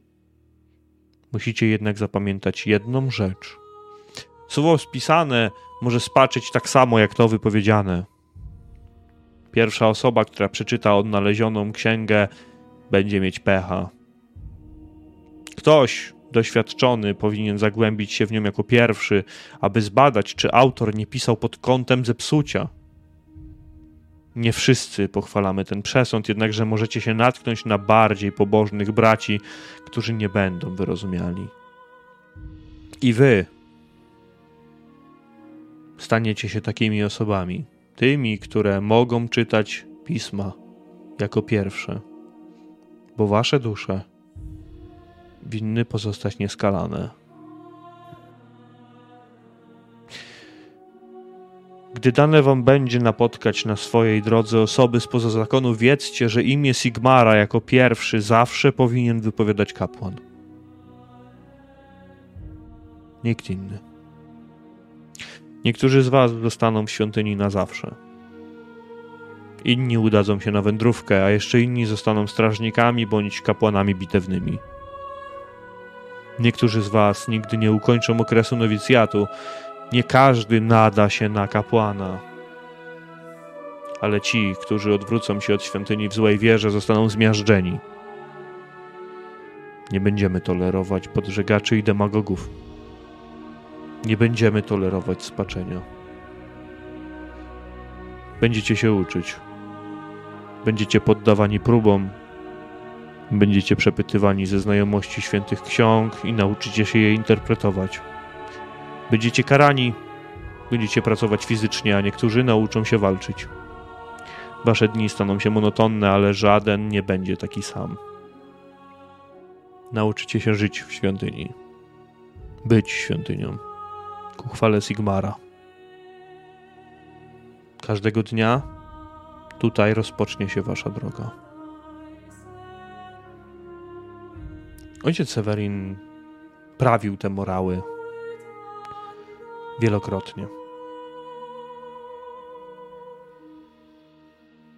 Czy której zostawały w umysł, umyśle Kirstyn, czy raczej przechodziły i zanikały? Oczywiście coś, coś tam zawsze zostawało w tej głowie, ale ale ona z każdym dniem, z każdym kolejnym wykładem ojca, z każdym kolejnym monologiem zdawała sobie sprawę, że w najlepszym wypadku to zostanie takim strażnikiem, może będzie walczyć. Bo chciała śpić, chciała, chciała walczyć, ale powiała się, że nigdy tego to jej nie będzie dane, że utkwi, utkwi tu i tak naprawdę, chociaż było to dziecięce marzenie, Nigdy nie odpłynie Berebeli w stronę Altdorfu. Nigdy nie zobaczy tego świata i... i na zawsze będzie, będzie w tych murach. Ale kiwała głową, słuchała, dostawała kijem raz po raz, aczkolwiek zawsze na sam koniec yy, jej usta opuszczały, opuszczało jedno zdanie, że dobre kowadło młota się nie boi a póki jest, póki trzyma się Sigmara, nic, nic jej nie grozi. I, i to już na zawsze miało, miało zostać w jej głowie. Tak jak niektóre nauki, jak niektóre nauki ojca.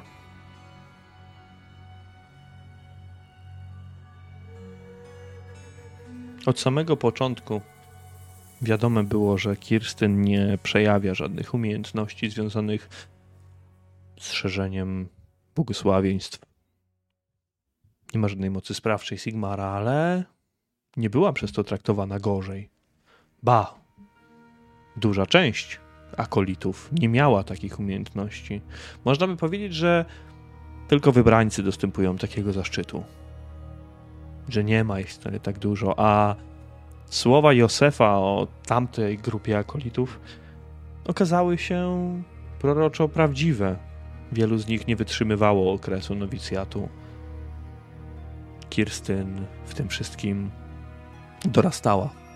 To już nie była sześcioletnia dziewczynka, nawet nie ośmiu, nie dziesięcio, może już dwunasto, może nawet czternastoletnia. Kiedy nauki były coraz poważniejsze, aż w końcu rozpoczęliście również nauki pod okiem kapłana bitewnego Tyberiana,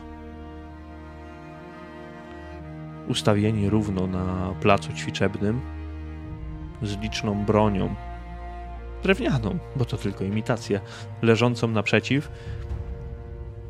Widzieliście mężczyznę paradującego w normalnych szatach kapłańskich, ale mimo wszystko jednak odznaczających się tym złotem i purpurą. Nie był łysy, chociaż wszyscy obstawiali, że kiedy przyjedzie tutaj, na pewno jest łysy i pewnie ma jakąś szramę idącą przez całą głowę, albo nie ma połowy szczęki, albo sam Sigmar wie co jeszcze. Okazał się być całkowicie normalnym, chociaż twardym i surowym nauczycielem. Kiedy przechadzał się gdzieś pośród was, rzucał raz po raz. Każdy spośród was powinien nauczyć się władać bronią. Każdy bez wyjątku powinien posługiwać się mieczem, młotem, toporem lub włócznią. I nie obchodzi mnie, czy jesteś mężczyzną, czy kobietą. Nie będę was dzielić, nie będę was rozróżniać. Bo gdy sługi chaosu przybędą, aby was zgładzić, także nie zapytają was, kim jesteście. Nie oszczędzą tych, którzy będą uciekać. Nie oszczędzą kobiet ani dzieci. A mężnych wojów może zabraknąć, a kapłanów bitewnych zabraknie na pewno. Musicie nauczyć się bronić siebie, waszych braci i świątyni. Dzisiaj rozpoczniecie nauki walki włócznią, mieczem. Strzelania z łuku i to, co jest potrzebne, kiedy broni zabraknie, ale nie każdy to pochwala. Zwykłej bójki.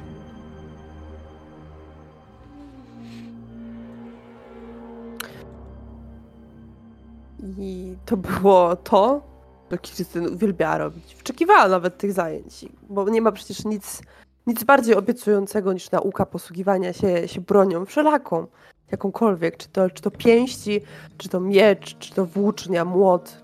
Nie miało to znaczenia, miało znaczenie to, że ona dawała z siebie, z siebie wszystko, bo wiedziała, że jeżeli kiedyś ma wyruszyć w świat, to musi umieć się, się bić, musi umieć się bronić, musi umieć walczyć. I to z tych wszystkich nauk, z tych wszystkich rzeczy, jakieś tam nauczyła, wydawało się jej najistotniejsze, najważniejsze. Coś, co mogłaby robić cały czas, tylko to, nic więcej. Rozpoczęły się zajęcia. Kolejne z wielu. I jak zwykle były przeprowadzone w odpowiednim szyku. Najpierw, jak to mawiał kapłan Tyberian, coś na rozgrzewkę. Czyli strzelanie z łuku. Zaproszę cię więc do testu. O nie.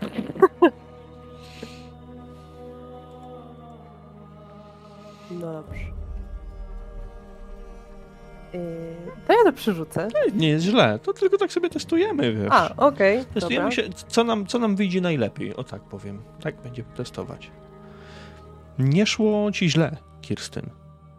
Ale ty wiedziałaś i pewnie kapłan także wiedział to, że łuk nie jest twoim powołaniem. Że walka dystansowa to nie to, w czym czujesz się najlepiej. Sprawdzał więc każdego z was po kolei, zanim nawet dobrał was w jakieś pary, w których mogliście ćwiczyć waszą walkę. Bijatyka była czymś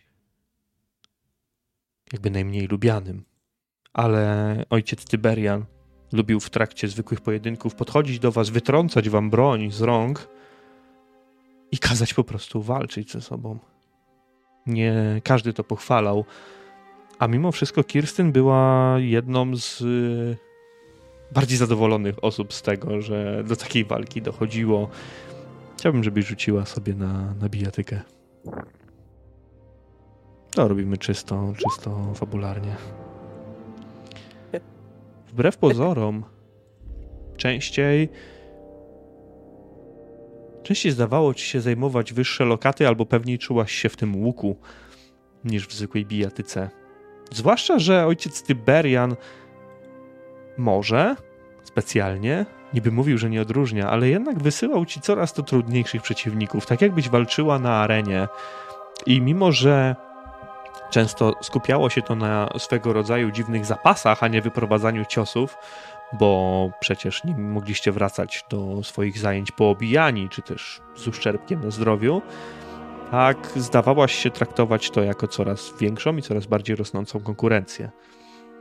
Dzięki temu nabierałaś też siły tym wszystkim.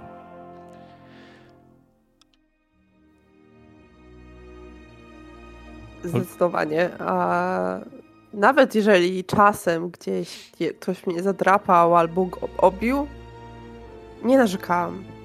Nie, nie piszczałam jak inne dziewczyny. Nie, nie jojczyłam, że to boli, joła i tak dalej. Zaciskałam zęby, zaciskałam pięści i mówiłam sobie, że następnym razem pójdzie mi lepiej. Że następnym razem to ja mu przyłożę, że to ja wyjdę, wyjdę górą. Czasem wychodziłaś a czasem musiałaś odstąpić pola. Podczas tych nauk dowiedziałaś się też, że odstąpienie od walki nie jest czymś najgorszym, zwłaszcza jeżeli chroni się słabszych. Dochodziło jednak zawsze do tego momentu, w którym należało wybrać broń, jakby to powiedzieć, podstawową. Widziałaś włócznie, te długie drągi, które miały je imitować. Widziałaś też mieczyki, jakieś pałki, ale te wszystkie pałki i te włócznie często, gdy po nie sięgałaś, przypominały ci moment, w którym chwyciłaś za tego mopa w tej karczmie. Rysowały ten obraz. Wojowniczki. Ile to było już? Sześć, 7-8 lat temu. Dłużej jesteś tutaj niż byłaś w Undlingen. Więcej już pamiętasz rzeczy stąd niż ze swojej rodzimej miejscowości, ale każda lekcja z ojcem Tyberianem i wybranie broni kończyło się zawsze przywołaniem tego samego obrazu. Tego. tych dwóch chłopców, którzy walczyli ze sobą. Ciekawe, co teraz się z nimi dzieje gdzie są i co robią. To prawda. Czasem, czasem Kirsten zastanawiała się nad tym, czy dalej się biją na te kije, a może teraz już na coś poważniejszego. I za każdym razem, gdy chwytała za włócznie, czy to za miecz, e, bo, ale mimo wszystko upatrzyła sobie w włócznie, myślała, czy a raczej była pewna, że gdyby teraz mieli stanąć do walki, to ona by znowu wygrała, znowu byłaby zwycięska w tym starcie, bo przecież tyle się już nauczyła. I może wyglądało to z boku dziwnie, ale zawsze dziś ten uśmiech, ten kot, kociki ust szły ku górze na, na to wspomnienie, na wspomnienie tamtego dnia, gdy wszystko się właściwie skończyło i zaczęło na nowo, ale przede wszystkim na wspomnienie tej wygranej, pierwszej, pierwszej wygranej pojedynku. Czy to, nieważne, czy to było na kije, czy na niby, czy na poważnie, to była ta, ta pierwsza. Pierwsza z wielu, jak się miało okazać później wygranych, bo akolici też w pewnym momencie nie stanowili wielkiego wyzwania, zwłaszcza ci młodsi. Później oczywiście odpowiednio trudność rosła. Zrobimy sobie jeszcze jeden rzut. W tym momencie dam ci wybór. Albo będzie to broń drzewcowa, albo zwykła broń biała podstawowa, ale y, tutaj rzucasz domyślnie, ale to za, za, każdym razem chciałbym, żebyśmy rzucali na plus 20, bo to są proste testy, takie zwykłe, jeśli chodzi o czwartą Dobrze. edycję. Ale że są to rzuty bardzo, bardzo fabularne, to nie musimy się aż tak bardzo trzymać tego, tego modyfikatora. Niemniej jednak plus 20 możemy stosować. Dobrze. Bardzo ładnie końcu. Jeju, przepraszam. Zwłaszcza w tym momencie, kiedy dane ci jest chwycić za broń, którą wydaje ci się, która wydaje ci się, że jest ci przeznaczona. Tą, której chciałabyś się szkolić i tą, do której się bardziej przykładasz. Co prawda, ojciec Tyberian często mówił o tym, że trzeba być wszechstronnym. Tak jednak, to często jest czcze gadanie. Przepraszam, muszę kasznąć.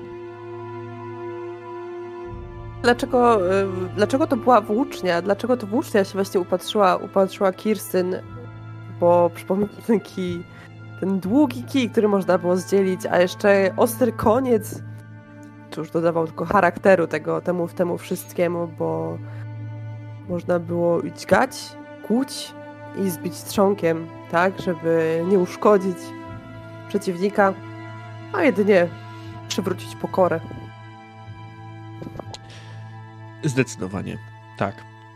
Zajęcia te powtarzały się dość regularnie, jednakże ojciec Tyberian za każdym razem po tych zajęciach gdzieś znikał. Nie mieszkał w klasztorze. I za każdym razem, kiedy wyjeżdżał konno, tłumy, część akolitów, która była bardzo zadowolona z tego, jak prowadził swoje zajęcia i z tego, że wnosił jakiś powiew świeżości do tego zakonu, żegnała go. Pośród nich była Kirstyn?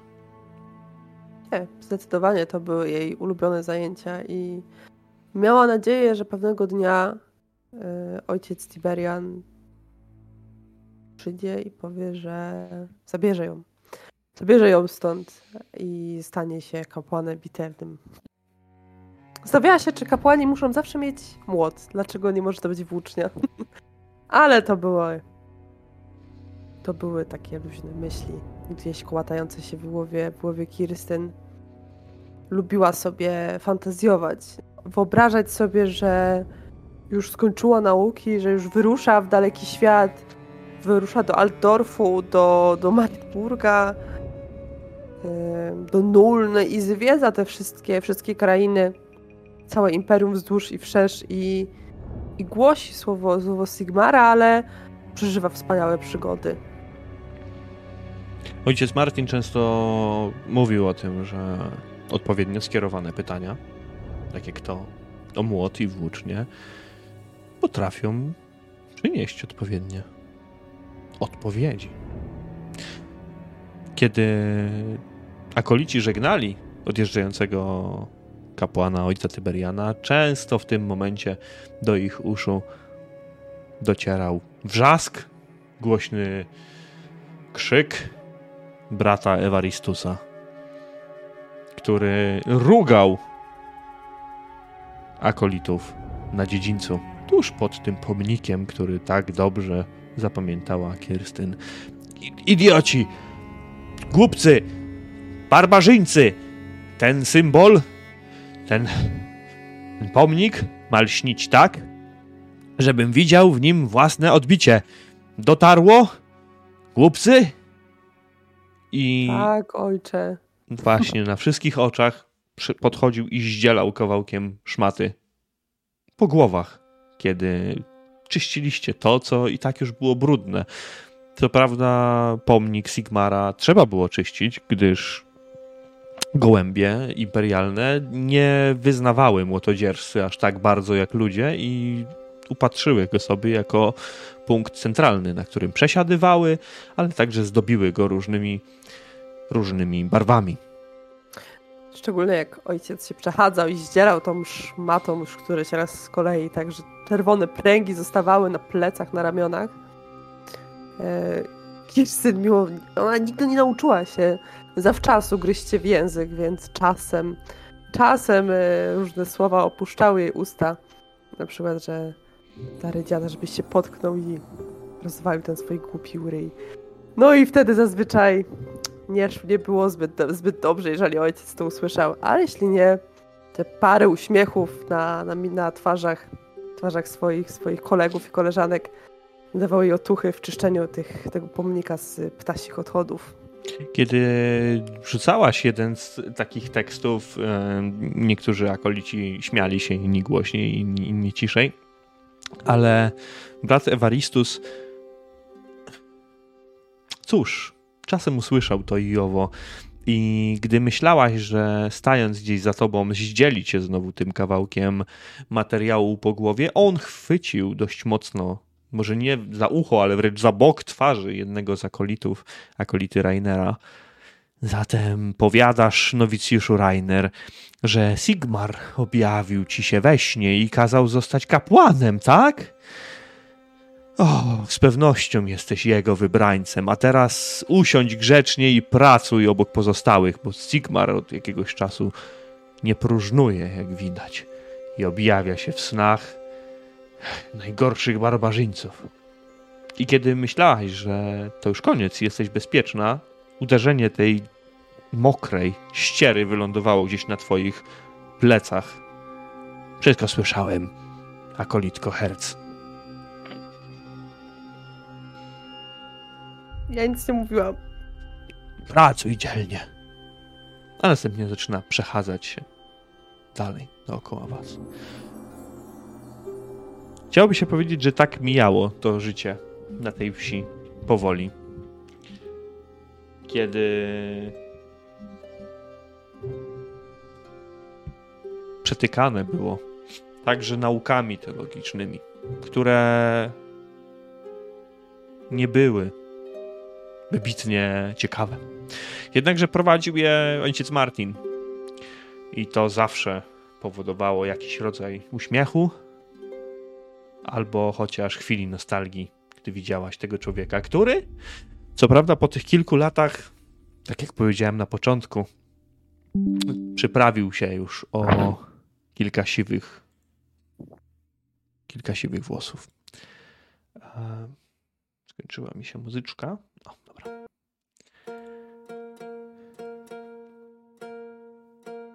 Kiedy, kiedy mijały te lata, te dni, te tygodnie, te miesiące,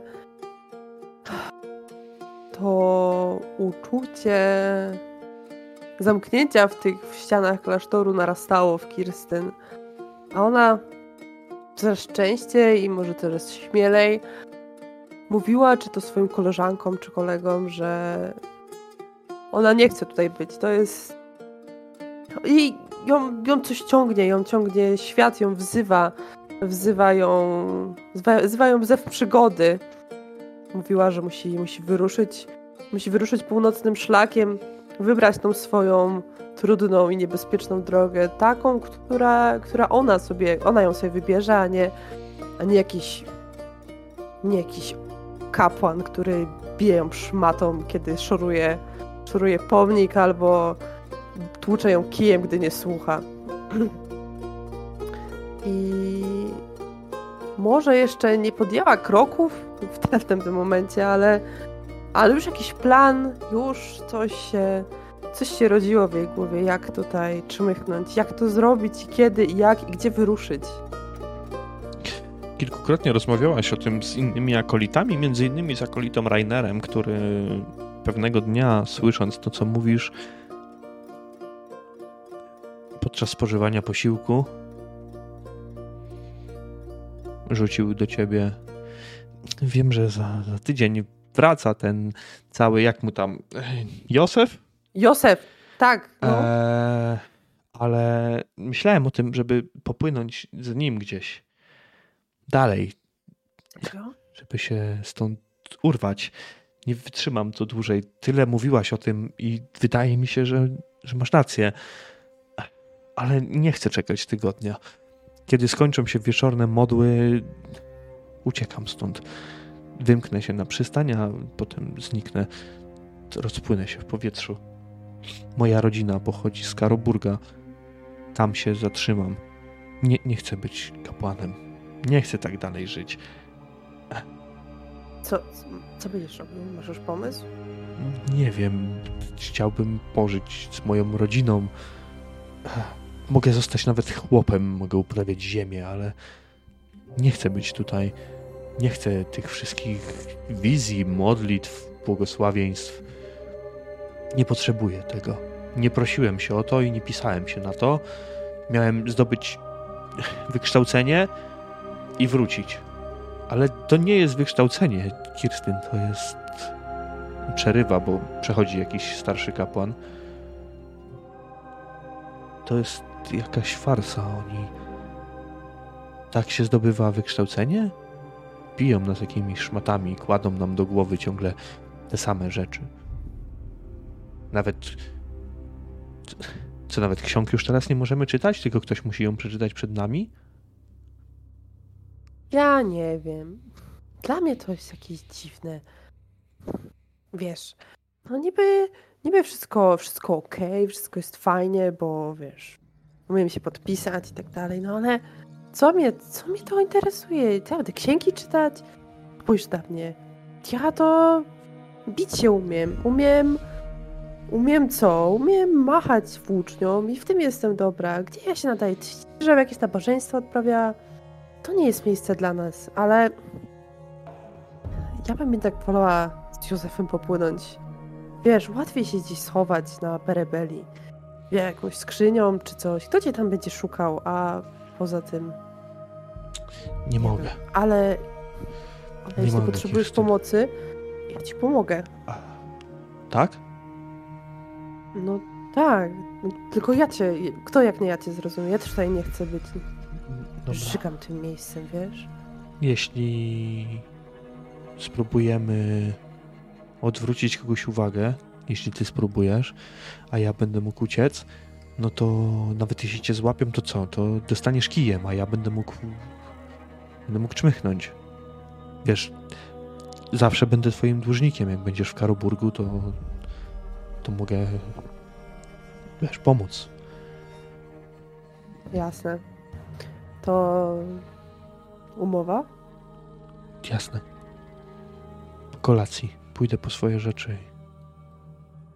Dobra, zagadam kogo trzeba, żebyś, żebyś mógł czmychnąć i wiesz, jak kiedyś będę w tym Karoburgu, to może w końcu napijemy się tego piwa, tak jak prawdziwi wiesz, poszukiwacze przygód, nie?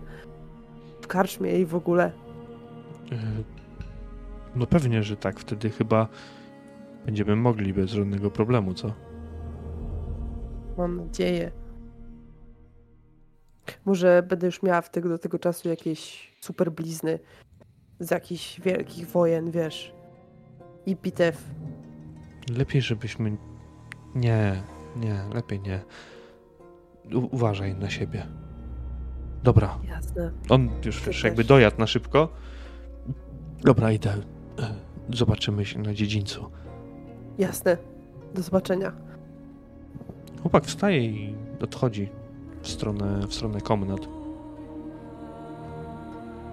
Ty siedzisz teraz. Może nie pośród innych akolitów, ale gdzieś w oddaleniu od nich. Rainer nie chce być kapłanem różnica jest między nim a taka, że między tobą a, a nim jest taka, że on posiada jednak przynajmniej jakąś cząstkę mocy kapłańskiej.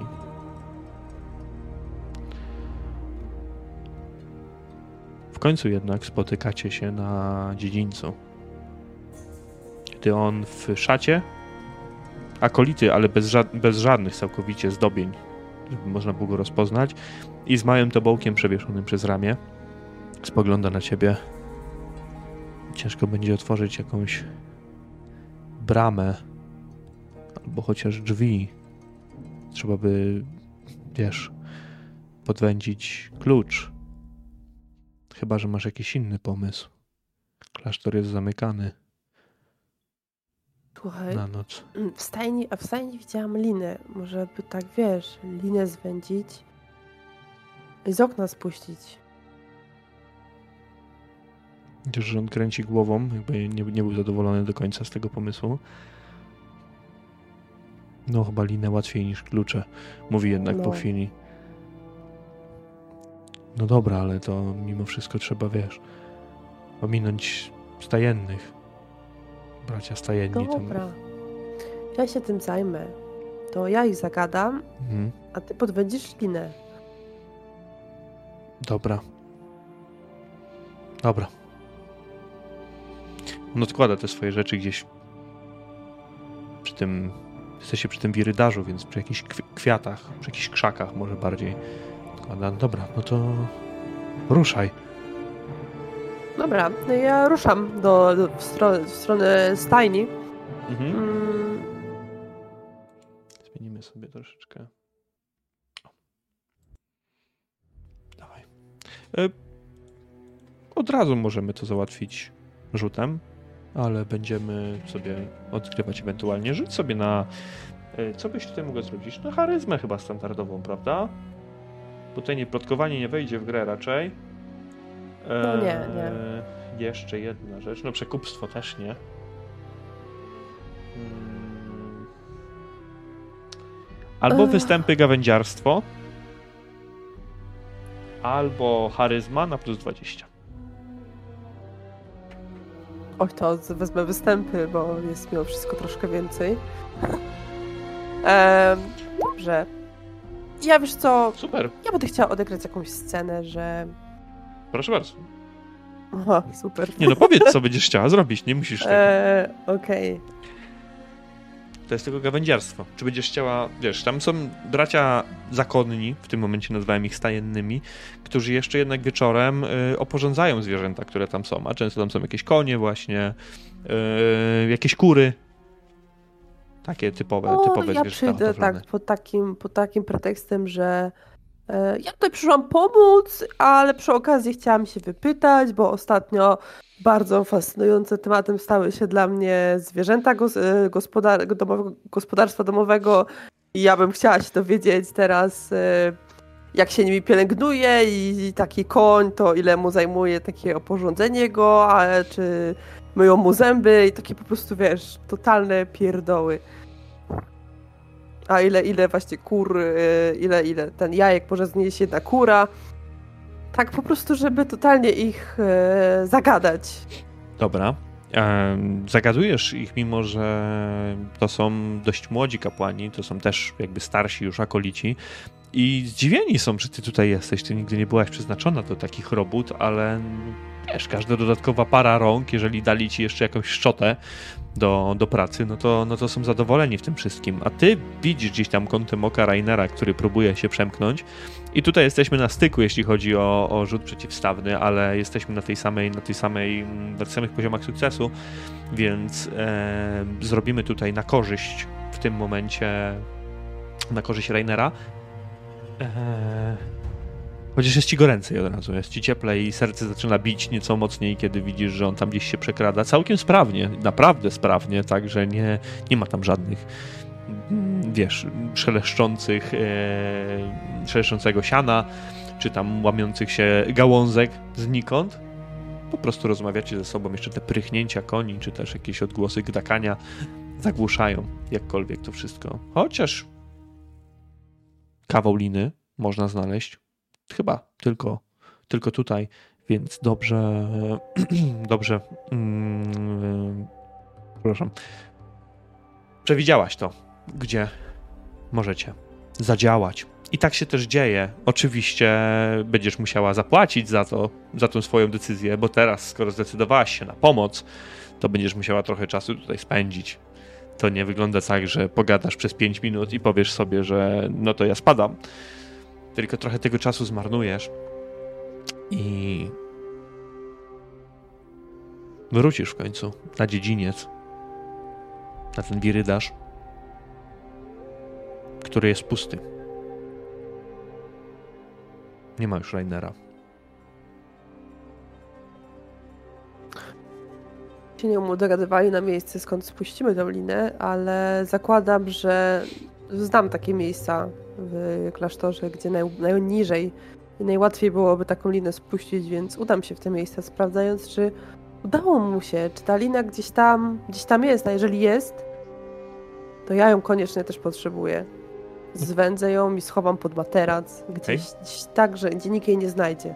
Mądry, mądry pomysł. Nie będziemy rzucać już na to, ale prawdopodobnie dlatego, że spędziłaś tutaj trochę czasu, Rainer nie czekał z pożegnaniem jakimś.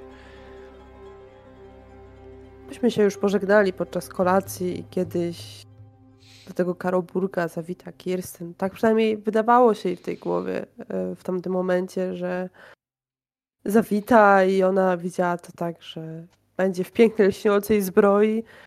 Spotkają się w z gospodzie i będą sobie opowiadać wspaniałe historie o przygodach, które, które przeżyli.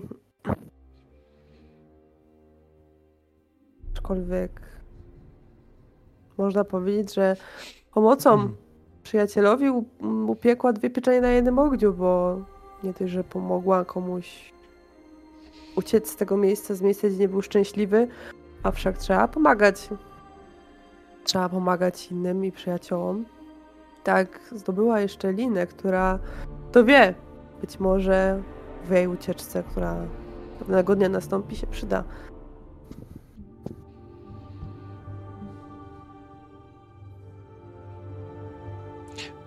Czas mijał. Gdy w pewnym momencie, jakiś tydzień, dwa tygodnie później, to się nawet przeciągnęło chyba łącznie do miesiąca, powrócił Józef. Kilka rozmów z nim z ojcem Martinem, bardziej upewniło cię w decyzji o tym, że klasztor to nie jest miejsce dla ciebie. Józef chciał cię zabrać ze sobą, jednakże ostatecznie zrezygnował z tego pomysłu dla twojego dobra. Tak przynajmniej mówił. Ja byłam wściekła. Ja naprawdę wierzyłam, że że to on mnie stąd zabierze, że niczym ten książę wybawi mnie z tej wieży i podpłyniemy w siną dal, ale to były tylko moje dziecięce, dziecięce wyobrażenia i wtedy Kirsten zdała sobie sprawę, że jeżeli ma liczyć na kogoś, to tylko na siebie. Fuknęła w złości, że nie, to nie, sama sobie poradzę. I odeszła napięcie zła, zostawiając Józefa samego gdzieś tam w tle. Józef ruszył za tobą. Poczekaj, Kirstyn, no tak nie można przecież. N nie zabiorę cię tak daleko, ale zanim, zanim popłynę w bardziej niebezpieczne rejony, przepłynę obok y, Altdorfu w stronę Delberts. Może gdybyś chciała, mogę. mogę cię tam zabrać. Poza tym, no. No, Kirsten. E, co ja mogę? Przy, przywiozłem ci coś, tak jak zawsze. Chcesz zobaczyć? Kirsten.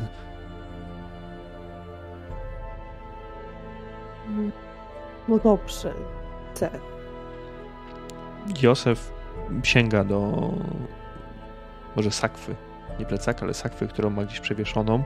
Wygląda trochę jak teraz y, juczne zwierzę i wyciąga trochę pognieciony, ale mimo wszystko komplet szat podróżnych, które wręcza ci teraz, jakby wyciąga dłonie e, w, gdzieś tam normalnie kaptur, jakaś peleryna, całkowite, całe, pełne ubranie podróżne i czy tu gdzieś miałem takie trzewiczki ładne z daleka, bo to jeszcze z, zanulny jak byłem, to, to kupiłem z myślą o tobie, żebyś miała tak ciepło w nogi, żeby było. I on wyciąga też jeszcze jakieś, jakieś, jakąś parę butów i kładzie tak na, na, na wierzchu. No, no weź, tyle, tyle mogę. Przecież yy, ojcem twoim nie jestem, ani rodzina ze mnie żadna, to zabierać cię nie będę w morskie wyprawy, ty wojowniczką chciałeś zostać, to ja cię mogę gdzieś, wiesz, przetransportować, li tylko... No, ale życia sobie nie będziesz na berebeli psuć, dziewczyno. Za młoda jesteś na to. Widząc to, to ubranie, ten kaptur, tą pelerynę, tą tunikę, te owiki, onuce i, i te jeszcze, a te, i te trzewiczki na, na, na, na, na samej górze. Czyli trzyma, Kirsten trzyma to, to cały ten pakunek i, i patrzy na, na Józefa. pełna wdzięczności, bo może on nie był nigdy jej ojcem. Nigdy nie będzie, ale zrobił dla niej dużo więcej niż on, niż jej rodzina kiedykolwiek dla niej zrobiła. I wcisnęła tylko to wszystko i przytuliła się do niego. Mimo, mimowolnie gdzieś parę tych łez popłynęło po, po, jej policzkach. Dziękuję i przepraszam, ja nie chciałam tak na ciebie płoczyć, ale dziękuję i ja ci się odwdzięczę i zobaczysz, zostanę tą wojowniczką i kiedyś to, wiesz, po rebelii, to jak zarobię pieniądze, to wiesz, to prawie, że ona będzie wyglądała dużo lepiej niż teraz wygląda i, i, i wiesz. Przecież wygląda bardzo dobrze. Ale tak będzie, wiesz, obsypy ją złotem, żeby, żeby była, wyglądała jeszcze lepiej. O, nic, nic się nie dzieje, Kruszyno. E, złotem możesz obsypać mnie, a nie Berebeli, to wystarczy całkowicie. Ciebie też. Czy ty mówiłaś Dziękuję, ojcu. Martinowi o tym, że będziesz odchodzić? Tak. Myślę, że gdzieś napomknęłam, że ja tutaj dłużej nie zostaję i że on mnie nie zatrzyma i żaden z braci nie ma takiej mocy, żeby mnie tutaj zatrzymać. Ale myślę, że ojciec Martin, on doskonale sobie z tego zdaje sprawę. Ojciec Martin Że- pojawi się jeszcze w tym miejscu. Prawdopodobnie tutaj, gdzie wszystko się zaczęło, czyli w kuchni. Kiedy żegnasz się, tak jakby przytulasz się z Józefem, bo on powiedział, że może cię jeszcze podrzucić gdzieś tam, gdzie będziesz chciała. Wydaje mi się, że ostatnio nęka nas jakaś przykra passa. Kolejni akolici rezygnują z naszego szkolenia. Słyszysz głos za sobą, kiedy ojciec Martin wchodzi do pomieszczenia kuchennego. To już nie jest ten sam ojciec Martin, co te kilka lat temu. Trochę mu się, troszeczkę mu się przybrało na wadze. Jest już bardziej siwy niż kruczoczarny, jak był wcześniej, ale głos ma nadal ten sam, ciepły, miły. Nie możemy trzymać nikogo tutaj siłą. Problem jest tylko z tymi, którzy wykazują moc kapłańską. Tak jak było z Rainerem. Ale on był tu nieszczęśliwy. Niemniej jednak ojciec Tyberian został wysłany, aby go odnaleźć. Co? Ale jak to? Przecież mówiłeś, ojcze, że nie możecie tutaj nikogo trzymać siłą. A jak on nie chciał tutaj być, nie może żyć własnym życiem? Nikogo, kto nie przejawia mocy.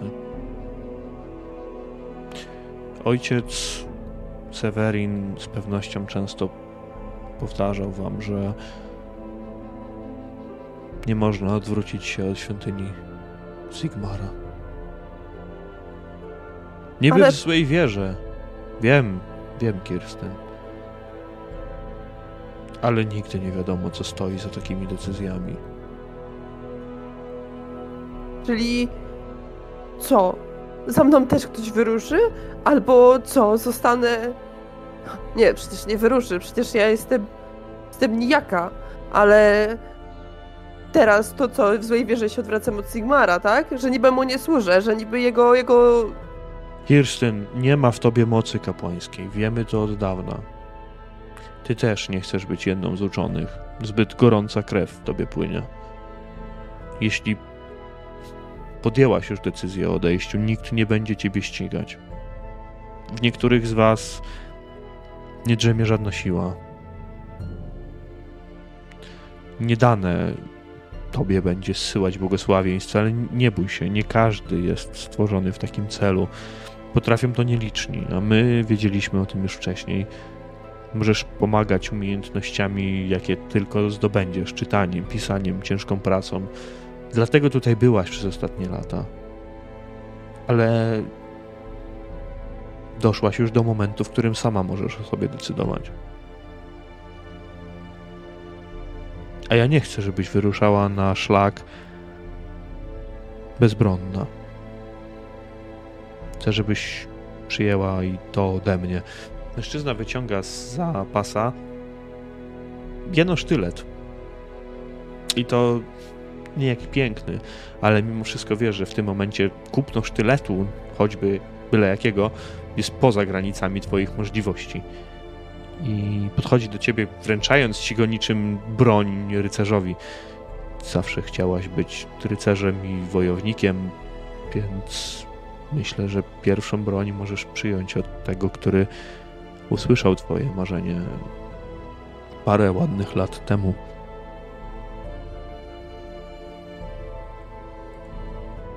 Biorę ten sztylet i kiwam głową. Dziękuję. Na pewno. Pewno mi się przyda. To nie wszystko, Kirsten. Mężczyzna grzebie coś jeszcze w kieszeni, w małej kaletce i wyciąga dwa. Wyciąga te rzemyki, te koraliki koloru morza. Dwa, które za kilka lat zostaną pomylone i będą czerwone, ale potem znowu nie będą niebieskie. Przywiozłem je z dalekich krain, chcę, żebyś je wzięła. Są z odległej Bretonii. Przywiozłem je podczas jednej z pielgrzymek do Kuron.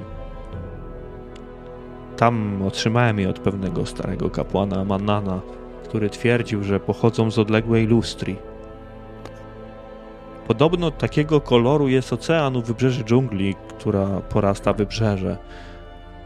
Niebezpieczna to kraina, jednakże ten, kto przywiózł ten podarunek, musiał wykazać się wiarą w bogów i wielkim męstwem.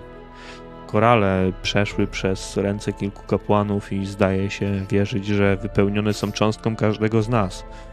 Kapłana Manana, kapłanek Szalii i mojej skromnej osoby. Weź i noś dzielnie. Mi się nie przydadzą, a tobie mogą pomóc w twojej wędrówce. Są piękne. I tutaj Kirsten już po prostu na, na, na, na nadmiaru tych wszystkich emocji e, zaczyna płakać jak dziecko, że są takie piękne. Będę nosiła zawsze i, i wszędzie i nigdy ich nie ściągnę i, i mam nadzieję, że kiedyś zobaczę to może takie, i na pewno będzie tak piękne jak te koraliki. Rzuca się w ramiona temu e, oj, ojcu, ojcu. Mhm. Dziękuję, tak tak wiele dla mnie zrobiłeś i w sumie dzień, w którym tutaj przyjechałam, to był chyba najlepszy dzień w moim życiu, bo bo teraz mogę spełnić swoje życzenie i zostać, zostać wojownikiem. Gdy tak pacie w tym uścisku nie widzisz, ale Józef widzi te kilka łez spływających po poliku ojca Martina. I przechodząc nieco dalej, gdy dane wam będzie się już pożegnać na, na brzeżu, gdy wsiądziesz na Berebeli. Pierwszy raz. Tak jak powiedziałem, niby wsiądziesz na Waldorfie kolejny raz, ale uznajmy, że teraz jest ten pierwszy raz, kiedy Kirsten stawia stopę na, na barce. Ojciec Martin kończy jego ostatnie słowa do ciebie jeszcze zanim barka odbije od nabrzeża Będą moralizatorskie, będą krótkie, ale będą takie, które z pewnością powinny utkwić w pamięci Kirstyn. Pamiętaj, Kirstyn, że w swoim życiu wiele razy spotkasz się z fanatyzmem religijnym, nawet tym sigmaryckim. Fanatyzm wyrasta z przekonania, że Bóg jest jedyną rzeczą, która liczy się w życiu, zaś herezja z przeświadczenia o własnej nieobylności w interpretowaniu woli naszego Boga. Zapamiętaj i nie uważaj się za osobę nieomylną. Nie martw się, ojcze, szybciej szybciej spadę wolę swój, swój sztylet niż, niż oddam się fanatyzmowi albo herezji. Pamiętam bardzo dobrze nauki tutaj przyjęte i będę, może nie jako kapłanka, ale będę szerzyć słowo Sigmara tam, gdzie, gdzie ono jest, będzie potrzebne. Mówisz to, tam, kiedy... Mhm, przepraszam. Y, I, i, I tam, gdzie będzie trzeba o nim, o nim przypomnieć. Mówisz to, kiedy Berebeli już odbija od nabrzeża. Ojciec Martin żegna was, machając w waszą stronę. I przejdziemy sobie kawałek dalej. Kilka tygodni później jedną, jedną scenę i zakończymy. Bardziej coś, co nas wyprowadzi do przyszłych przygód. Po opuszczeniu murów klasztoru nastąpiło brutalne zderzenie z rzeczywistością. Stary świat to miejsce pełne przemocy, biedy, bólu i cierpienia. Kirsten wiedziała, że nie może od tak powrócić do klasztoru z podkulonym ogonem. Tam, właśnie tam, w klasztorze, gdzie było jak było, ale deszcz przynajmniej nie kapał na głowę, tak tutaj, w jednym z miast Imperium, czy to w Delberts, czy to gdzieś w okolicach Altdorfu, deszcz siąpił na głowę, gdy siedziałaś na progu jednego z domów, jednego z przybytków, kiedy nie miałaś się gdzie podziać, bo nie miałaś pieniędzy, już nie miałaś pieniędzy, a ciężko było cokolwiek zarobić. Byłaś kobietą w tym ciężkim, ciężkim świecie, trudnym dla kobiet. Bez męża, zdawało się być bez przyszłości. Musiałaś się imać jakiejś pracy. Może zdarzyło ci się walczyć z kimś? Może posunęłaś się nawet do kradzieży.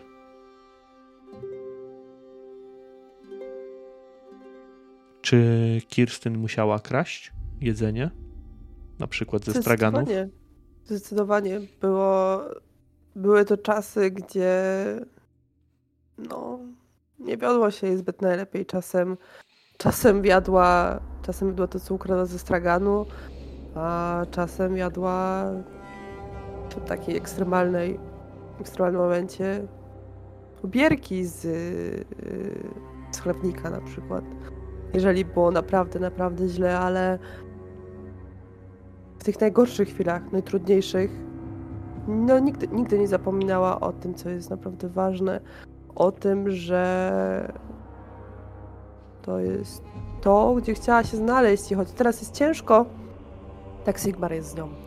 I w tych trudnych momentach zawsze kierowała swoje, swoje myśli ku, ku Sigmarowi, ale też ku innym bóstwom, kiedy, kiedy miała kraść, tak e, tak Ranald. Ranald był, jej, był w, jej, w jej głowie.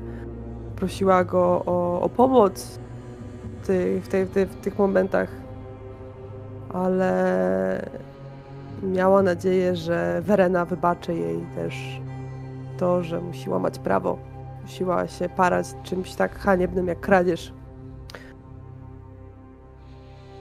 Mimo wszystko tak jak powiedziałeś, wiedziała, że nie może wrócić do klasztoru i nie wróci tam, bo, bo była dumna. I mówiła sobie, że będzie lepiej. Że w końcu to minie, że w końcu, w końcu będzie się bić aż do upadłego, aż w końcu ktoś, ktoś doceni ją i zrozumie, że nie jest jakimś tam wypierdkiem, który jakąś tam zabłąkaną dziewuchą, która, która nic nie umie. Tylko jest Kirsten Herz, i świat stoi przed nią otworem. Kiedy kolejny raz łapałaś za tą bułkę, czy tam kawałek chleba na straganie i ruszałaś przed siebie w te pędy, a korale tylko majtały się gdzieś na wietrze. Ten raz Twoich modlitw cichych, skrytych wysłuchał Ranald.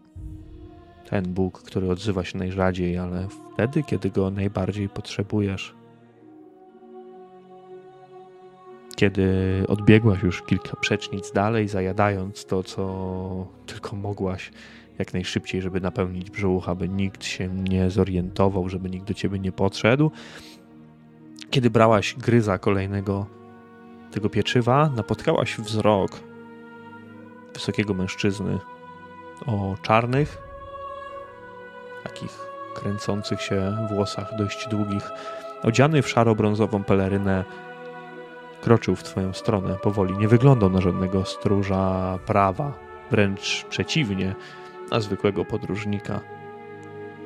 On zatrzymał się w końcu przed tobą, jakby uśmiechnął się, wskazując na ten chleb i wypalił, jak gdyby nigdy nic, jakbyście byli tu sami na tej pełnej, zatłoczonej ulicy. Nazywam się Roderick Esser i mam dla ciebie pewną propozycję. Obserwuję cię od pewnego czasu. Pracuj dla mnie, a nie będziesz musiała spać w zaułku. Pracuj dla mnie, a nie będziesz już głodna. Masz wprawne ręce, ale jeszcze wiele ci brakuje. Z pomocą moją i samego Ranalda staniesz się zdecydowanie szybsza w swoim fachu. A może zechcesz podróżować? Zwiedzać krainy, o których ci się nawet nie śniło. Od ciebie może zależeć życie kupców i posłańców. Masz broń. Wypatrzyłem ją już kilka dni temu. Możesz także wsławić się w walce jako wielka wojowniczka znana na całe Delberts, może pod sam Altdorf. Kto wie? Może pewnego dnia zostaniesz czempionem Imperium. Walka, podróże i zwinność to to, co grupa Essera jest w stanie ci zagwarantować. To jak? Pójdziemy najpierw na jakiś ciepły posiłek? Stawiam zupę, a potem porozmawiamy o szczegółach naszej nowej znajomości. Mężczyzna był bardzo, ale to bardzo bezpośredni w tym, co robił. Widziałaś błysk w jego oczach. Zwłaszcza, że zjawił się w momencie, kiedy dopiero co kończyłaś jedzenie i kończyłaś modlitwę do Ronalda. Wyprostowałam się, jakby chcąc pokazać, że ja jestem. Jestem pewna siebie, bo w istocie byłam pewna siebie. Chciałam, że jestem w stanie rozważyć Twoją propozycję.